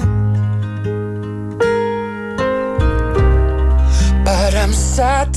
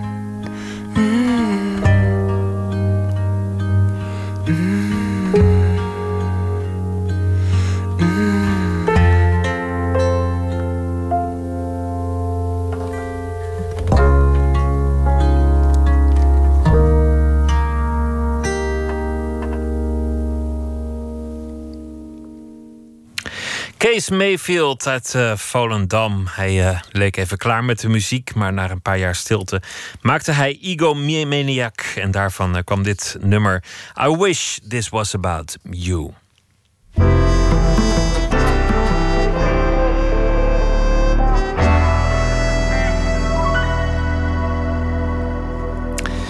De rubriek heet Open Kaart 150 vragen over werk en leven. En te gast is acteur en cabaretier Pepijn Schoneveld. Hij heeft een eh, nieuwe voorstelling, een solovoorstelling Stante Pede. Dit weekend in première gegaan. En dat gaat onder meer over eh, onze tijdgeest. Alles moet nu en wel meteen. Welkom uh, Pepijn. Dankjewel. Leuk om hier te zijn. Ja, nou, dankjewel. Leuk dat je wilde komen. Ja, zeker. Dat, uh, dat thema, stand te peden, ja. alles nu, alles uh, moet gebeuren. Ja. Het geduld is weg. Ja. Wanneer begon dat thema bij jou te dagen? Nou, dat was ooit. Het, dat is nu niet meer het thema van de voorstelling. Dit, dit, dit tekstje komt uit uh, van de flyer. En die moest ik maken anderhalf jaar geleden voordat ik überhaupt een idee had wat ik ging maken. Toen stond je al geprogrammeerd, maar je had de tekst nog niet af. Exact. En, en toen, toen, dacht je, dit, dit zou wel eens een, nou ja, mooie leidraad ja, kunnen zijn. Toen vond ik stantepeden gewoon een heel mooi archaïs woord. Is ook heel mooi. En toen dacht ik, uh, en ik, ik had al wel het idee dat ik het over het nu wilde hebben. Dus uh, de, de zoektocht naar het nu. Uh, dus toen dacht ik, nou, stantepeden is nu alleen. Ja, dat is niet nu in de zin van het nu, dit moment, maar nu. Oh, dit zei ik veel te hard misschien. Maar, nee. uh, um, uh, dus, en toen had ik dat tekst geschreven over alles moet nu zo snel mogelijk. Terwijl nu, nu is, nu? nu is het thema van de voorstelling mijn zoektocht naar het nu. Uh, en eigenlijk hoe je rust in je hoofd krijgt. En hoe je ervoor zorgt dat alle gedachten, schreeuwende gedachten in je hoofd, hoe je die een beetje stil krijgt. Zodat je in het nu kan zijn. Maar over in het, in het nu zijn eh, gesproken, dan, dan sta je dus geboekt door, wat zal het zijn, 48 theaters in alle hoeken van het land. Ja. Die hebben jou dan geboekt voor, eh, voor mooie grote zalen. Ja. Ah. En, en je in de folder gezet met een foto en een Ja. tekstje. En jij hebt nog geen letter op papier. Maar dat heeft iedereen die, eh, die een De- voorstelling maakt. maar dat is, dat is gekmakend. Ja, dat is eh, crazy. Ja, maar dat- daar, daar kan je al horendol van worden. nou, zo'n tekstje schrijven is dan heel moeilijk. Want wa- ja, wat ga je dan, wat ga je dan zeggen? Maar ook die voorstelling schrijven, dat, dat je halverwege denkt van ja, dit, dit wordt helemaal niet leuk. Of ik heb het nog niet. Of, of wat moet ik hier Nee, nou? maar eh, nee, dat, ja, dat, hoort, dat hoort er dan een beetje bij. Maar dit schrijf je voordat je überhaupt nog eh, je voorstelling gaat maken. En dat is gekmakend. Terwijl uiteindelijk gaan zitten en na gaan denken over wat wil ik zeggen, wat vind ik interessant, wat vind ik ontroerend, waar wil ik het over hebben. Dat is heel leuk, want dan ga je gewoon, dan mag je. Terwijl dit is gewoon PR. En dat is niet zo leuk. Nee, oké, maar goed, dat moeten we ook niet te serieus Nee, nemen. niet, maar goed, nee. dat was de gedachte. Dat was de Het, eh, gedachte, ja. Het, het werken in het nu. Ja. Eh, bij jou gaat het vaak ook over, over angst, over een Ja. blik in jouw hoofd, over de, over de normaliteit. Ja. Over een blik op de wereld waarin je je publiek meeneemt. Ja, zeker. Dat het uiteindelijk grappig wordt, maar ook, ook een beetje confronterend. Van ja, leven we wel in dezelfde wereld? Kijk ik ook zo naar deze planeet? Nou, ik hoop dat mijn regisseur eh, en coach ehm Raoul Heertje, ehm, die me geholpen heeft, die zei, eh, volgens mij net voordat ik in première ging, die zei: Je moet vertellen hoe het is om Pepijn Schoneveld te zijn. En als je dat zo goed mogelijk doet, ga ik me daarin herkennen. En dan wordt het ontroerend of grappig. En de gedachten die ik heb zijn best wel, best wel absurd. Denk ik altijd. Maar als ik ze goed uitwerk, dan hoop ik toch dat mensen zich daarin herkennen. En dat ze denken: hé, hey, zo, zo denk ik ook. Eh, en, en, eh, en ik hoop dat ze daar dan troost uit halen en denken: oh, ik ben niet alleen in mijn, in mijn gekke. In mijn, in, mijn, in mijn hoofd en in, mijn, in, in, mijn, in de gedachten die een mens heeft. En, en om dat te bereiken geef je ook best wel veel van jezelf prijs. Ja. Je vertelt over je angsten, Ja. over, over je, je, je neuroses, Ja, over je, ja, zeker, je vreemde eigenschappen. Ja, mijn ziektes. Bied, eens, bied eens een kijk in, jou, in jouw hoofd. Wat voor, wat voor angsten heb je allemaal? Eh, nou, ik heb het in de voorstelling heel erg over eh, eh, angst aan zich. Dat dat, ik ken gewoon het fenomeen angst heel goed. Maar als ik het echt over mijn, als ik letterlijk mijn angsten ga noemen, dat is niet zo interessant. Eh, eh, en de angsten die ik in deze voorstelling vertel zijn meer hypochondrie-angsten. maar ook gewoon. ehm, eh, de voorstelling gaat gewoon. De voorstelling opent bijvoorbeeld over dat ik erachter kwam dat je in de eerste zeven seconden heb je al een beeld van iemand. Eh, dat, is zo, dat schijnt zo te zijn. En ik kwam erachter dat mijn beeld altijd negatief is van mensen als ik ze net ontmoet. Dat eerste beeld, dan, denk, je, dan denk je meteen iets naars. Ja, ja, vaak wel. En daar kwam ik achter. En, en dat vond ik, dat vond ik een, een grappig gegeven. Eh, en ik hoop dat mensen dat herkennen. Dat ze denken, hé, hey, dat heb ik ook wel eens. Dat je ook iemand tegenkomt en denkt, wat, wat een raar hoofd heeft die nou weer? Eh, en Dat is wel heel grappig, ja. ja, nou, je moet gewoon lachen. Dat is, dat is fijn. Ja, ja, ik vind dat heel geestig dat je, dat je meteen een negatieve gedachte hebt. Ja, daar kwam ik. En dat is best eerlijk om dat toe te geven. En dat vind ik, vond ik ook best spannend om de eerste paar keer het te zeggen. Want mensen denken toch bij mij, oh, wat een lieve jongen. Maar dan heb ik toch waarschijnlijk toch nare gedachten te hebben. En, eh, ehm, dus, dus, dus daar heb ik het ook over, ja, inderdaad. Iedereen heeft nare gedachten volgens mij. Ja, maar niet iedereen spreekt ze hardop uit. En ik doe dat wel op het toneel. Dat is hopelijk een beetje het verschil. Voelen mensen zich ook schuldig als ze lachen daarom? Nou, ik zie soms wel mensen, eh, en dat vind ik heel leuk, als mensen lachen van: Oh, deze jongen, oh, ik, ik heb dit ook, maar ik ga niet zo ver als hij. Dat vind ik een leuke reactie. Als, men, als ik mensen elkaar aan zie kijken en denken: dit is, Hij is gek. Dat nu nu is hij me kwijt. Dat is een. eh, Nou, nu, nu, zo, nou, nu is die me kwijt inderdaad in de zin van zover ga ik niet. Maar de eerste paar schakeltjes van gedachten, die herken ik wel. Alleen hij gaat net iets verder. En dan wordt het grappig en dan wordt het ontroerend hopelijk. We kennen je ook als eh, acteur in heel veel eh, films en series en andere programma's. Wat was er eerst eigenlijk? Het, het acteren of, of het echt maken van, van eigen voorstellingen van het cabaret? Oh, wat een goede vraag. Ehm, eh, ik zat op de toneelschool natuurlijk, dus daar leerde ik eerst acteur zijn. En het maken kwam in mijn tweede jaar, mocht ik zeven minuten maken. Eh, en dat had ik toen met Jeroen Woe gedaan, van Van Alaan en Woe. Dat vond ik heel leuk. En toen dacht ik, hé, hey, dit, nu mag ik. Nu mag ik even zeggen wat ik van de dingen vind. Eh, en dan in de klas had ik een beetje in een hoekje zo een beetje te kijken. En, en toen mocht ik ineens zeggen wat ik van de, hoe ik erover dacht en wat ik meemaakte. Dat vond ik heel leuk eigenlijk. Om gewoon op, een, op, een, op de planken te staan en dus gewoon je visie op de wereld te nu- geven. Nu, ben, zo voelt het altijd. Nu ben ik even aan het woord, mensen. Nu is het even mijn tijd. Zo voelt het een beetje altijd, ja. En dan moet je ook wel weten wat je, wat je erover vindt. Als je die tijd hebt. Ja, en dat, daar, dat, is, dat is schrijven. Dat is gaan zitten, nadenken, dieper gaan. En daar heb ik, Raoul heeft me daar heel erg in geholpen. Die zei, ga verder. Want dan kwam ik bij hem en dan zei ik... hey, het is grappig, de eerste zeven seconden denk ik negatief. Toen zei hij, oké, dat is een leuke gedachte. Ga daar eens op door. Maar hoe denk je dat mensen over jou denken? Of eh, wat voor consequenties heeft dat? Ga je in op die gedachten of niet? Ga daar eens over door. En dat heeft hij heel erg met mij gedaan. Waardoor het nog dieper gaat, zeg maar. En nog herkenbaarder, hopelijk. Zullen we beginnen met eh, Ja, de vraag- de, de de- kaarten. de Wil- kaarten. Wil je een, eh, een vraag trekken, alsjeblieft? Ja. Oh god. Eh, wat waardeer je in je vrienden? Mm, dat ze eh, eerlijk zijn. Dus dat ze je. Dat ze ook. Ik heb ook vaak vrienden die zeggen: nu ga je te ver. En dat is heel fijn. Nu Als moet je kappen. Nu is het niet meer kappen. leuk. Nu is het niet meer leuk. Of, of, of eh, ik ga je nu stopzetten. Of, of gewoon dat je, kritisch, dat, dat je kritisch durft te zijn. Dat waardeer ik in mijn vrienden. Maar niet te veel, toch? Ik bedoel, het moet niet de basis van je vriendschap worden... dat je op vrijdagavond elkaar gaat bekritiseren. Nee, zeker niet. Maar ik denk wel dat mensen van mijn leeftijd moeite hebben met tegen kritiek te kunnen. Eh, en ook het moeilijk vinden om kritiek eh, real life te uiten. En ik waardeer het heel erg als mijn vrienden dat toch doen. Eh, dat vind ik een groot goed in deze tijd. Dat mensen ook kritiek durven uiten op elkaar. Dat is ook een teken dat ze het serieus nemen... en dat ze zich veilig voelen. Ja, en dat het ook kan. Ja, Ja. ja. binnen, binnen die vriendschap. Dat, vind ik, dat waardeer ik eh, eh, aan mijn vrienden, ja. ja. Neem nog een kaart. Nog een kaart. Een blauwe. Op welke vraag had je eigenlijk gehoopt? Ehm, nou, ik zag net deze. Om wie moet je lachen? Oh ja. Die vond ik wel leuk. Ja, die kan je ook pakken. Ja, ehm, maar op welke vraag had je eigenlijk gehoopt? Ehm, eh, om wie moet je eigenlijk lachen? Had ik die gehoopt? Ik zag hem net staan. Toen dacht ik, dat is een leuke vraag. Ja, om wie moet je dan Ik lachen? moet heel hard lachen om Simon Amstel. Oh, dan ken ik hem weer niet. Ja, dat is een hele goede, goede Engelse comedian is dat. Ik moet heel erg lachen om mijn beste vriend, Kevin Hassing. Daar Ja? moet ik heel hard om lachen. Ja. En tot, tot vervelens toe voor andere mensen die er omheen zijn. Ja. Want die vinden het dan niet zo leuk. Maar jij... Nou ja, die, wij doen een soort. Laatst zei mijn zus, jullie doen een soort. Ik weet niet of ik het nu goed zeg. Maar Surinamers schijnen zo verhalen aan elkaar te vertellen. En dan heel. Tory maken, heet dat zo? Ja?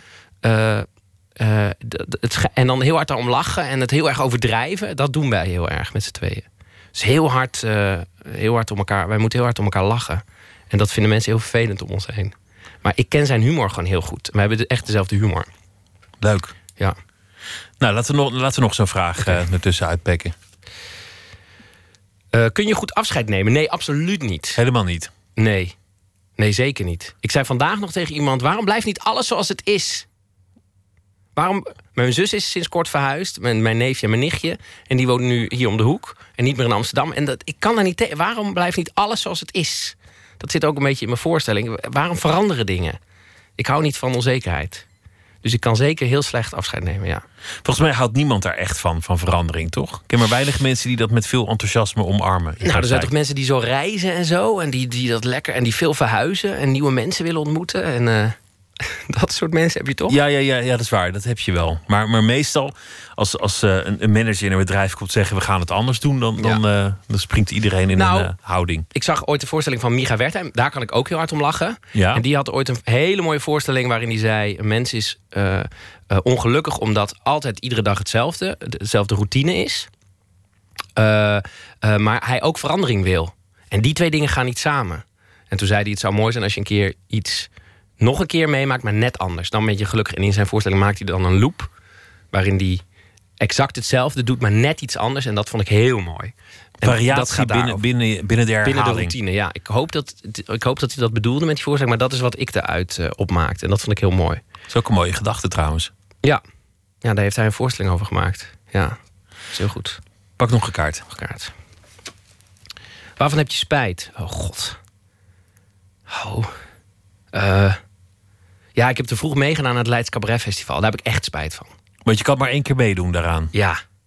En toen was- je er eigenlijk nog niet klaar Ik voor. was 13, zoiets. Echt waar? Nee, ik was, ik was, ik was 24, maar veel te jong. Ja, daar kan ik echt spijt van hebben. Ja, ja ik zie nu mensen om me heen die, die. Ik denk, ik zei laatst tegen iemand, ik denk dat ik nu Voor een jaar geleden was ik er klaar voor geweest. Terwijl ik heb in 2014 meegedaan. Ja, Maar veel je, te je, hebt, je hebt het hele festival toch niet nodig, joh? Jawel. Ja? Ja. Waarom dan? Ja, gewoon. Dan zien mensen je en dan, dan, dan, dan heb je, krijg je een impresariaat en zo. Ja, mensen zien je wel, komt wel goed. Ja. Ze horen me nu. Niemand ziet me nu. Jij Nee. zit me aan te kijken, maar ja, dat is niemand waar. Maar, ziet maar- verder, hoor. Nee, maar goed, ja, zo'n festival is heel leuk hoor. Met, met alle sympathie voor, dat, eh, voor die club. Maar, maar dat is toch niet echt fundamenteel Nee, voor je het zijn loopbaan. gewoon teringlijers. Ze hebben geen idee. ik, ik weet het niet. Nee, daar heb ik echt spijt van. Ja, ik, omdat je, daar moet je klaar... Ja, dat is je eerste stap die je zet in de Hoe ver kwam je toen? Ik stond in de finale. Met Omar Adaf en Arnoud van der Bossen. Ken je die? Nee. Nou, daar Nou, zie je, daar Daar gaan we ga al. Daar ga je al. Nou, zie je, heb je niet nodig. Trek nog een kaart. Ja. Wat is de mooiste plek op aarde? Oh. Ehm.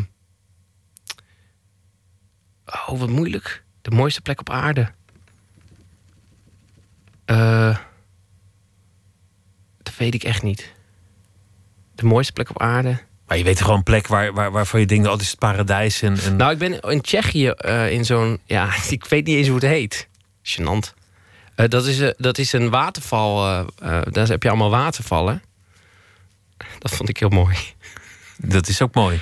Wat is de mooiste plek op aarde? Dat was heel mooi, ja. Dat, maar ik weet helemaal niet meer hoe het heet.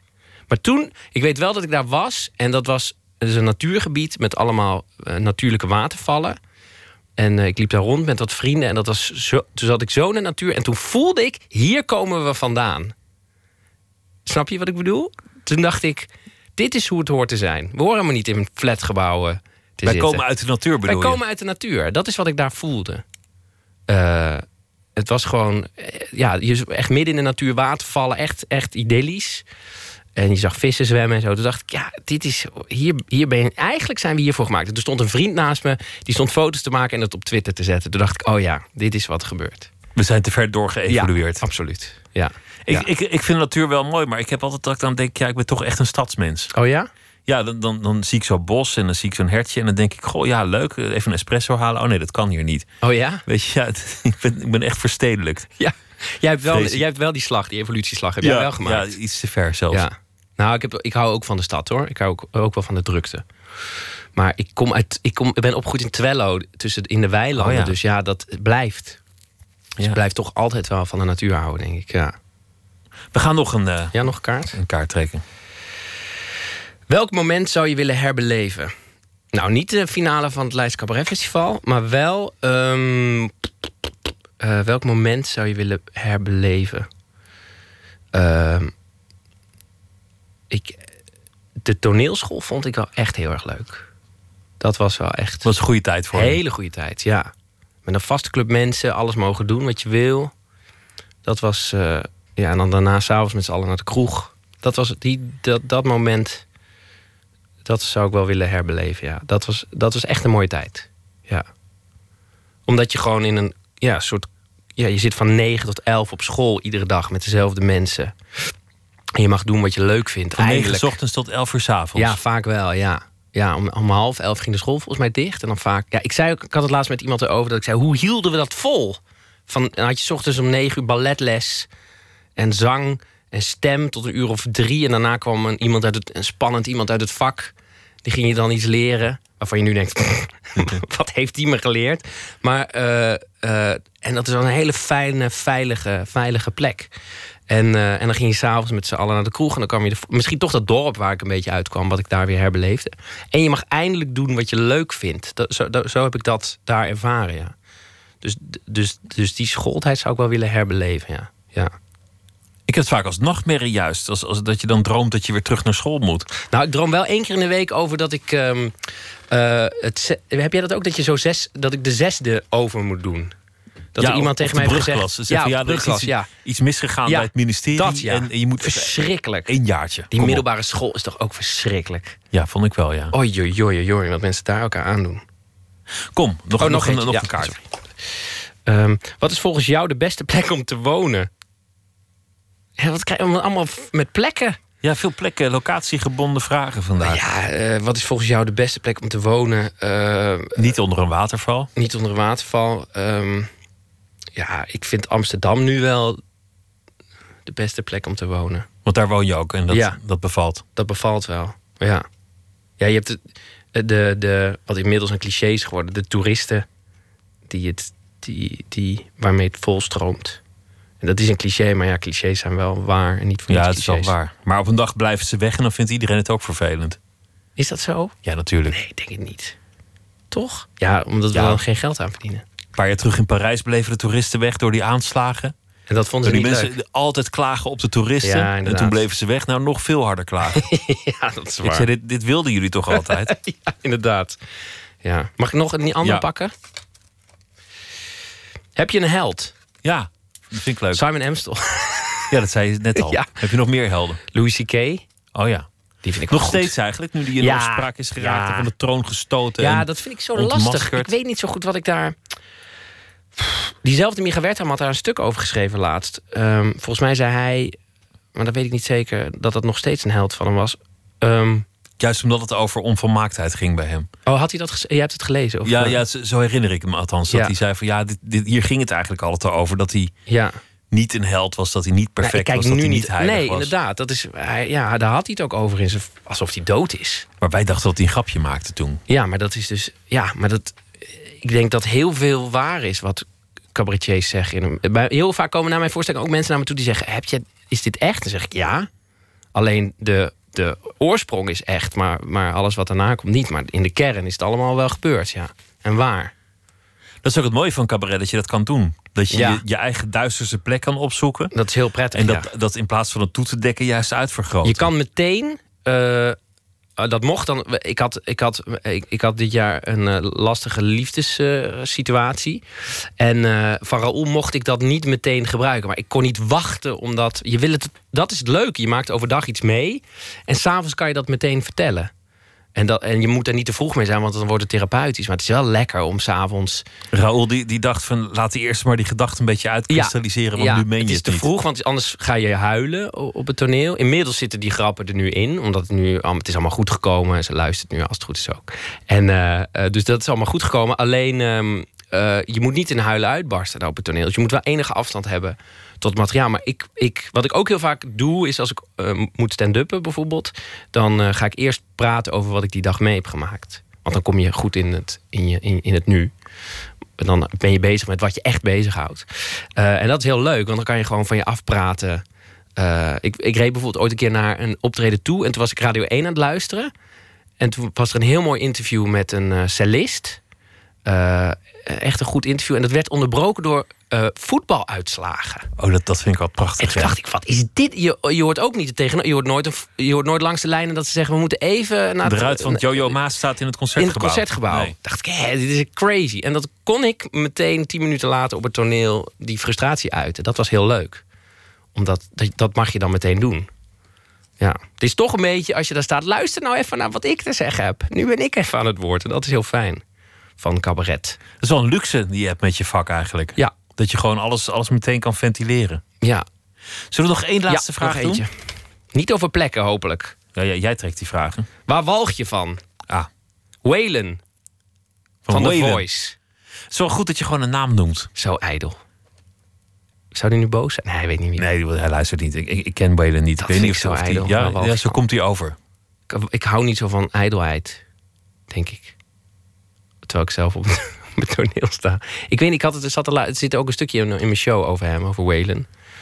Ehm, eh, maar dat is gewoon een grapje. Maar eh, dat is die ijdelheid kan ik niet tegen. Dat, dat programma gaat niet over die mensen die daar staan. Dat is het, denk ik. Die mensen staan allemaal te zingen. Wat heel, super kwetsbaar is. Maar het gaat over die mensen die op die draaiende stoelen zitten. Daar, het is alleen maar PR voor die mensen die op die, op die stoelen zitten. Voor de juryleden. Voor de juryleden. Terwijl er iemand eh, super zenuwachtig en angstig zijn, zijn hart eruit staat te schreeuwen. Dat is ook een marteling eigenlijk. Dat is ook een Maar ze doen zelf mee. Ja, Ze doen het zelf. ja dat is waar, ja. De voorstelling eh, die, eh, is eh, in première gegaan. Stand te peden. Pepijn Schoneveld, dank je wel. Ja, dankjewel dat ik hier was. Dankjewel. And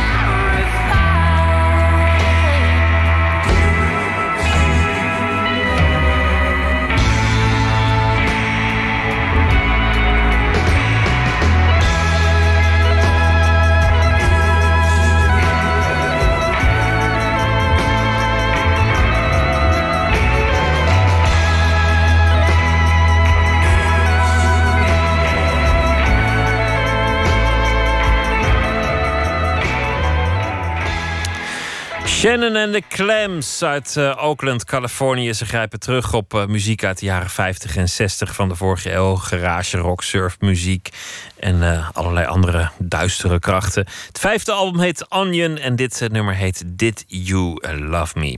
Eén minuut, gemaakt door Jair Stijn en deze heet Het Proces.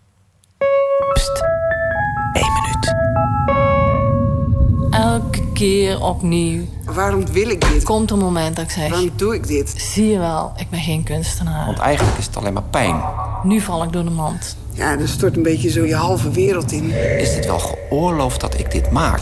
Dat is een enorm groot. zoekproces. En dat is het vreselijke is dat het zo moeilijk is om helder te blijven daarin. Ja, tot ik dan op een bepaald moment in mijn atelier kom en eh, blij word. En Zo puur, zo mooi, zo, daar, daar mocht je gewoon niet aankomen. Er gebeurt dan iets magisch eh, misschien. Dat kan je verder niet in, Probeer het in woorden te brengen. in woorden omzetten. En dan gaat je hart bonken. En... Ik kreeg daar wel echt spontaan kippenvel van. gewoon in dezelfde trilling zitten. Dezelfde vibratie, dezelfde... Nou ja, en dan krijg je echt een euforisch gevoel van wauw. Dat er iets door mij heen op die muur is gekomen. Waar ik wel versteld van sta dat ik dat heb gedaan. En het gevoel, ik krijg nou weer kippenvel van, van mensen die dan zeggen...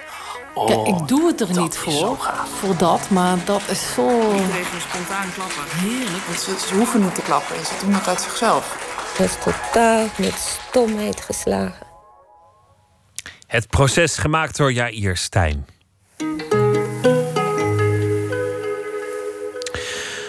Morgen in Eindhoven de première van de, een theatermonoloog Marx over het eh, werk en leven van eh, Karl Marx, Duits filosoof en een van de grondleggers van het socialisme en eh, communisme. Het is een voorstelling gemaakt door de Vlaamse filosoof en eh, theatermaker Stefan van Brabant in de filosofen monologenreeks van het Zuidelijk Toneel.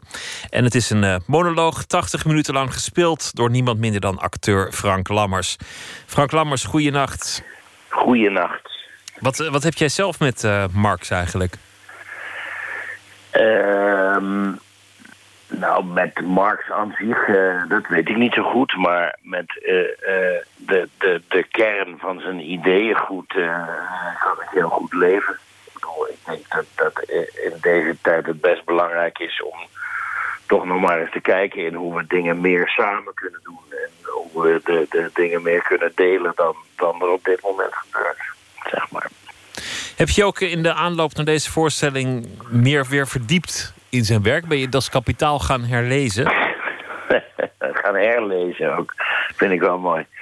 Eh, nee. Eh, en degene die zegt dat hij dat kapitaal echt helemaal gelezen heeft... bijna iedereen die dat zegt, die liegt, denk ik. Want het is echt een vrij onbegrondelijk eh, eh, geheel. En gelukkig had eh, de regisseur en schrijver in dit geval natuurlijk ook een hoop van dat werk reeds voor mij verricht. Dat scheelt alweer. Dat scheelt al, want, want dat is ook nou net de bedoeling van deze theaterreeks. Om het, eh, om het werk van grote denkers toegankelijk te maken voor mensen die niet Das Kapitaal op een nachtkastje hebben liggen. Precies. Ja, nee, dat is zeker. En zoals eh, vrij letterlijk in de voorstelling wordt gezegd... eh, Marx komt terug als een soort levend lijk, zeg maar... Om, om zijn ideeën te presenteren zoals hij ze bedoeld heeft... en niet waar ze op zijn uitgedraaid. Zodat we nu kunnen kijken of we daar nog iets mee kunnen. En dat, dat vind ik wel buitengemeen interessant. Eh, niet alleen van Marx, maar van die hele filosofenreeks... om te kijken van wat je, wat je nu nog kunt met die denkers... die dat, die dat nou ja, in het geval van Marx 200 jaar geleden... maar of 150 natuurlijk. En eh, in het geval van Socrates bijvoorbeeld nog veel langer geleden... maar, maar die hebben allemaal een wielen uitgevonden... die, die eh, we toch steeds weer vergeten te gebruiken, zeg maar.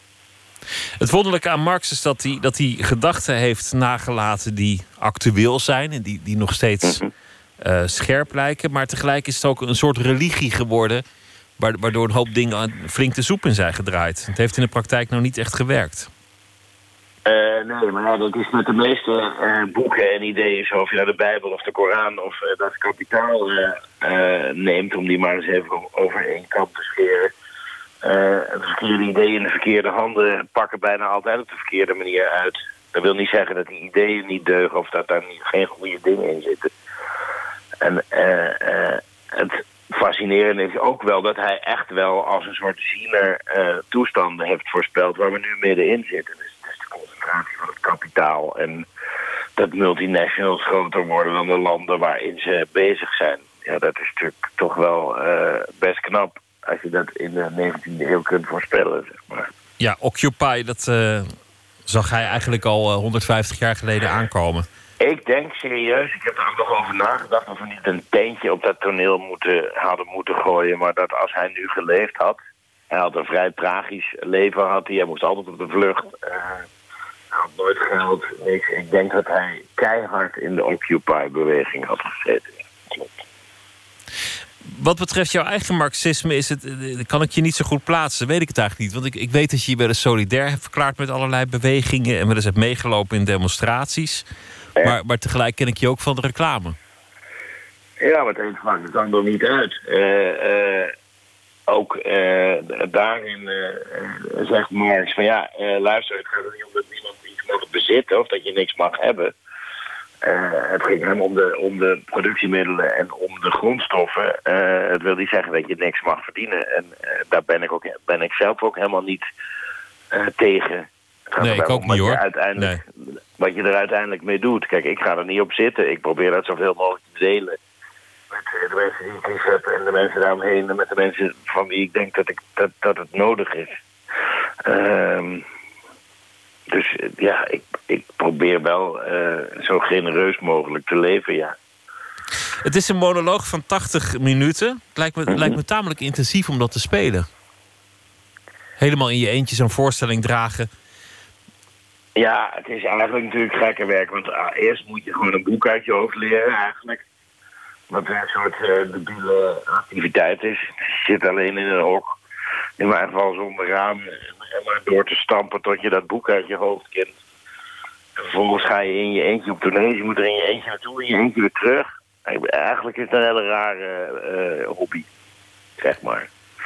Maar het, eh, het wordt ongetwijfeld een mooie voorstelling. Ik ben Nou heel ja, benieuwd. kijk, ik, ik, ik vind het heel belangrijk om, om dat gedachtegoed nu eh, eh, nog eens onder de loep te leggen. En dat nu mede te delen in de tijd waarin we nu leven. Maar in, eh, zoals letterlijk in de, in de voorstelling ook wordt gezet, politiek aan de man wordt gebracht als een tube tandpasta. En dat is natuurlijk zo. We hebben geen bezielde leiders. Nee, we hebben, we hebben mensen in, in dienst van de economie. En ik denk niet dat dat een heel goed idee is. En ik denk ook dat we daar iets aan moeten doen. Misschien dat eh, Marx eh, afgestoft kan worden. Dat is kapitaal. Frank Lammers, dankjewel. En de voorstelling die heet eh, Marx. Vanaf morgen te zien. Kom je ook, Pieter? Ja, maar later op de tour kom ik. Oh ja, dat is goed. Zie ik je dan. Dan zie ik je dan. Oké, Frank, dankjewel. goeienacht. Hoi. Hoi.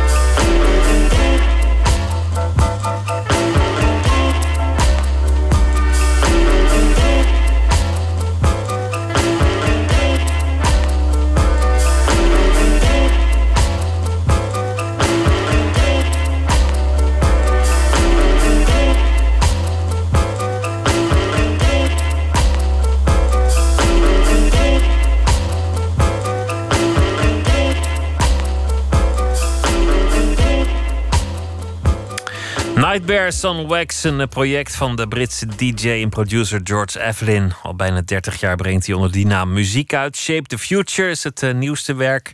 En daarop staat eh, ook deze samenwerking met de Australische zanger Jordan Rakei, dus Typical. What do you think? Eén ster. Kom op, twee sterren. Nee, Ik vond het echt maar één ster. Helemaal niks. Eén ster. Eén Echt ster. niet. Vier sterren. nee joh, vijf. Twee sterren. De rubriek Oordeel zelf. Eh, De film die de grote favoriet is bij de Oscars. Zelden een film eh, gezien die zoveel lof en zoveel enthousiasme losmaakte als Three Billboards Outside Ebbing, Missouri. Al een paar weken te zien in de bioscoop van de Ierse regisseur en scenarist Martin McDonagh. De film gaat over een eh, vrouw, gespeeld door Frances McDormand, die niet kan verkroppen dat de moord op haar dochter nog steeds niet is opgelost. Een film over burgerlijke woede en over een lokale gemeenschap. Wat vonden de gewone filmliefhebbers ervan? Karen Al. Eh, Hoi. Hoi.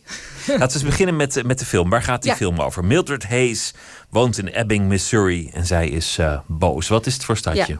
Ehm, Ebbing is een fictief stadje, eh, maar in de niet-fictieve staat Missouri. Dat is natuurlijk een beetje een eh, white trash-achtige Amerikaanse plattelandsomgeving. En ehm, Mildred Hayes is een eh, vrouw die, die daar woont en ehm, eh, heel duidelijk verdriet heeft. En op zoek is naar iets om dat verdriet vorm te geven. Ehm, haar dochter is dus zeven maanden daarvoor vermoord. En ehm, ze is ongelooflijk gefrustreerd dat de politie eigenlijk niks doet. En de politie is, mm, nou, je kan wel zeggen, behoorlijk racistisch. Eh, de economische omstandigheden in die omgeving zijn ook niet echt rooskleurig. Dus het is een beetje een, een, een, een arme boeren, boerengemeenschap. En eh, zij loopt met die frustraties rond, omdat ze vindt dat de politie eigenlijk niks doet. En ze besluit dan een daad te stellen, namelijk drie billboards die al lang onbenut zijn, eh, te huren en daar grote teksten op te zetten. Hoe kan het, chef Willoughby, dat het nog steeds niet is eh, opgelost? Commissaris Willoughby. We gaan even luisteren naar een, eh, een deel van de trailer om in de sfeer te komen. So, Mildred Hayes, why did you put up these billboards? My daughter Angela was murdered seven months ago. It seems to me the police department is too busy torturing black folks to solve actual crime. The hell is this? Dixon, I'm in the middle of my goddamn Easter dinner. Sorry, kids. I know, Chief, but I think we got kind of a problem. Sunshine beating on a good I'd do anything to catch your daughter's killer. I don't think those billboards is very fair. Time it took you to get out here whining like a bitch, Willoughby. Some other poor girl's probably out there being butchered right now. This reporter, for one, hopes this finally puts an end to the strange saga of the three billboards It outside. doesn't put an end to shit, you fucking retard. This is just a fucking start. Why don't you put that on your Good Morning Missouri fucking wake up broadcast, bitch?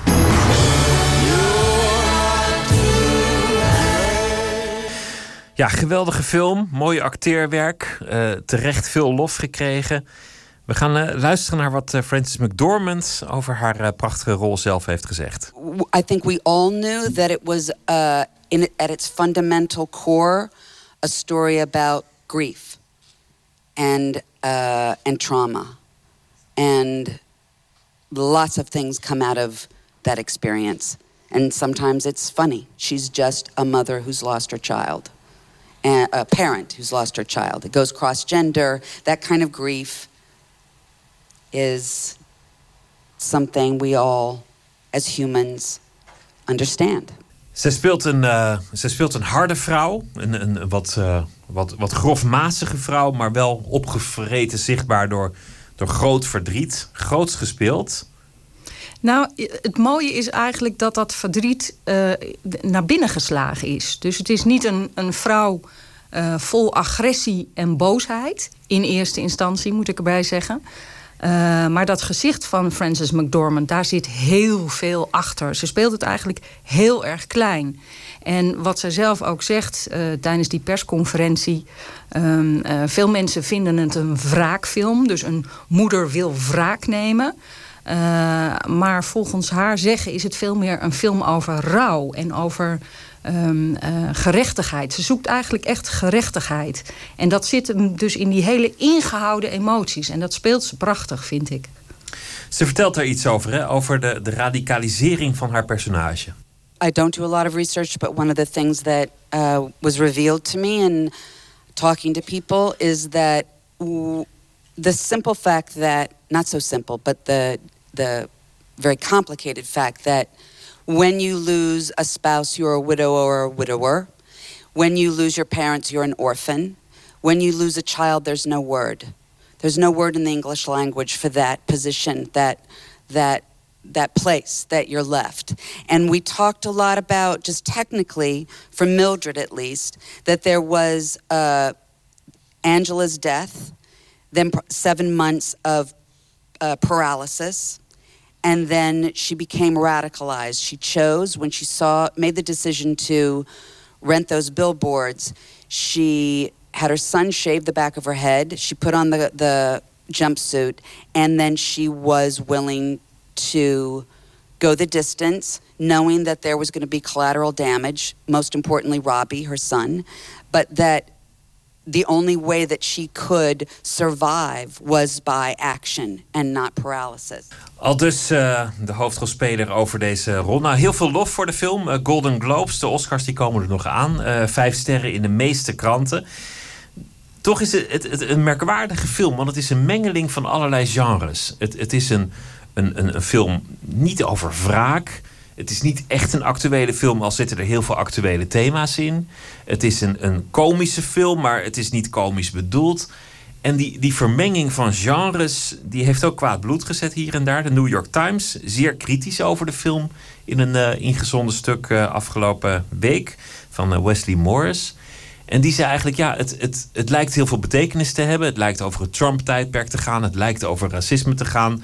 Maar eigenlijk wordt het allemaal maar aangeraakt en gaat die film daar helemaal niet over. En zegt die film daar ook helemaal niets over. Uiteindelijk blijkt, blijkt het toch gewoon een vermakelijke film te zijn. Ja, ik denk dat dat in, in principe ook de intentie is. Wat me opviel aan dat stuk was dat de, de, de schrijver ehm, heel veel bezwaar had dat een buitenstaander, het is een Ierse regisseur, hoe die eigenlijk eh, dat hij het lef had om, om de Amerikaanse samenleving zo neer te zetten. Dus wel alles aanraken, maar daar vervolgens niet echt iets over zeggen.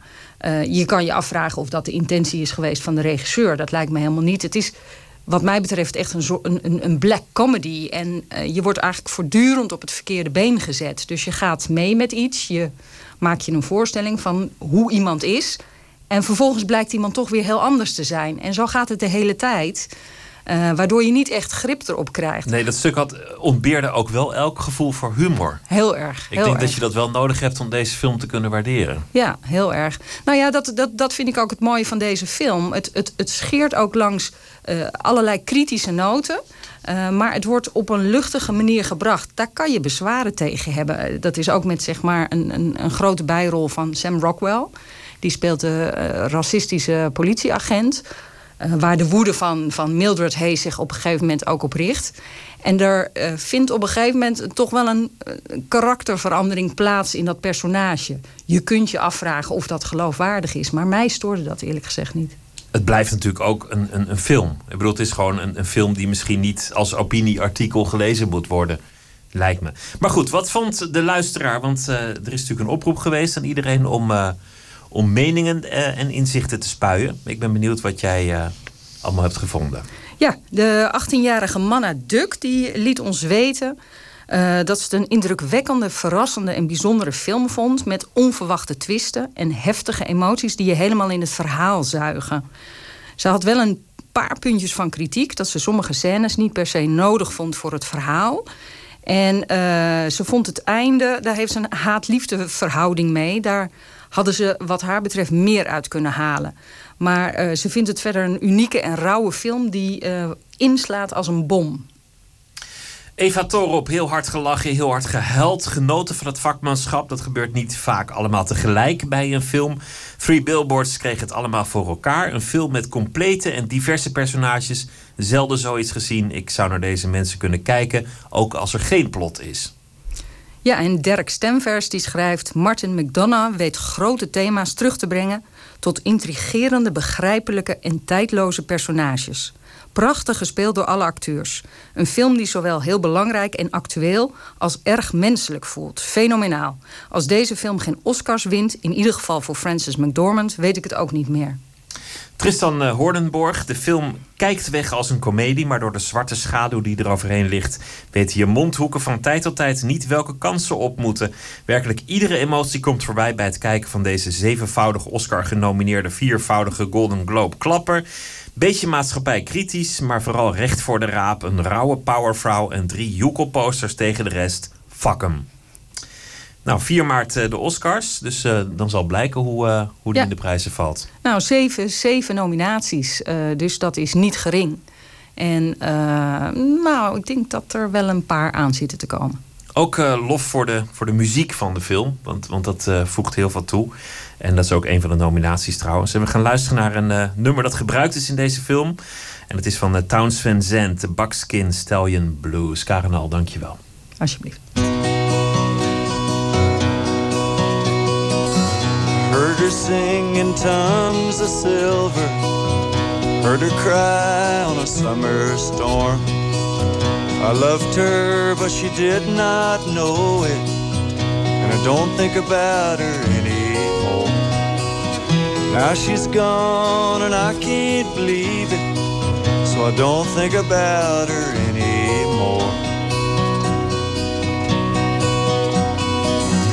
Three and four were seven only, where would that leave one and two? If love can be and still be lonely, where does that leave me and you? Time there was and time there will be. Where does that leave me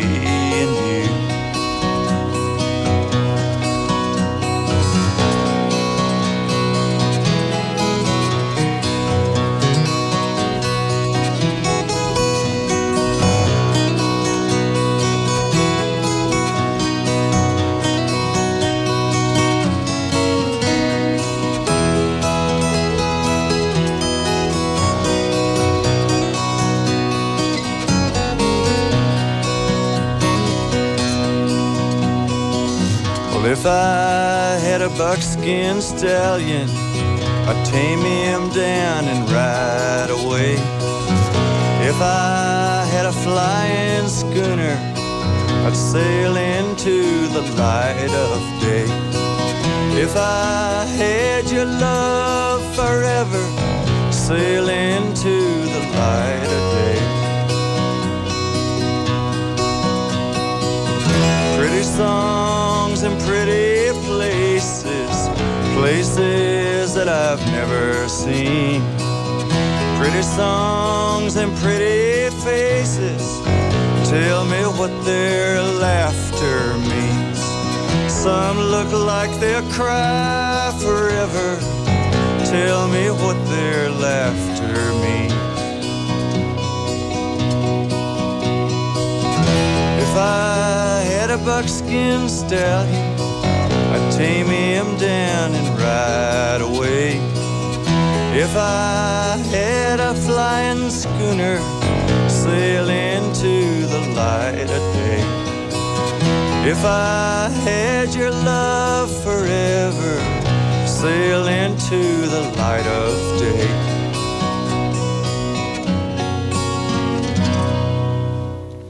Towns Van Zandt met de Buckskin Stallion Blues. Morgen dan, eh, is eh, Maarten Heijmans, de acteur, eh, hier te gast vanwege een reprise van de voorstelling Ibsenhuis. En ik wens u nu nog een hele goede nacht. Zometeen kunt u luisteren naar de EO. Tot morgen.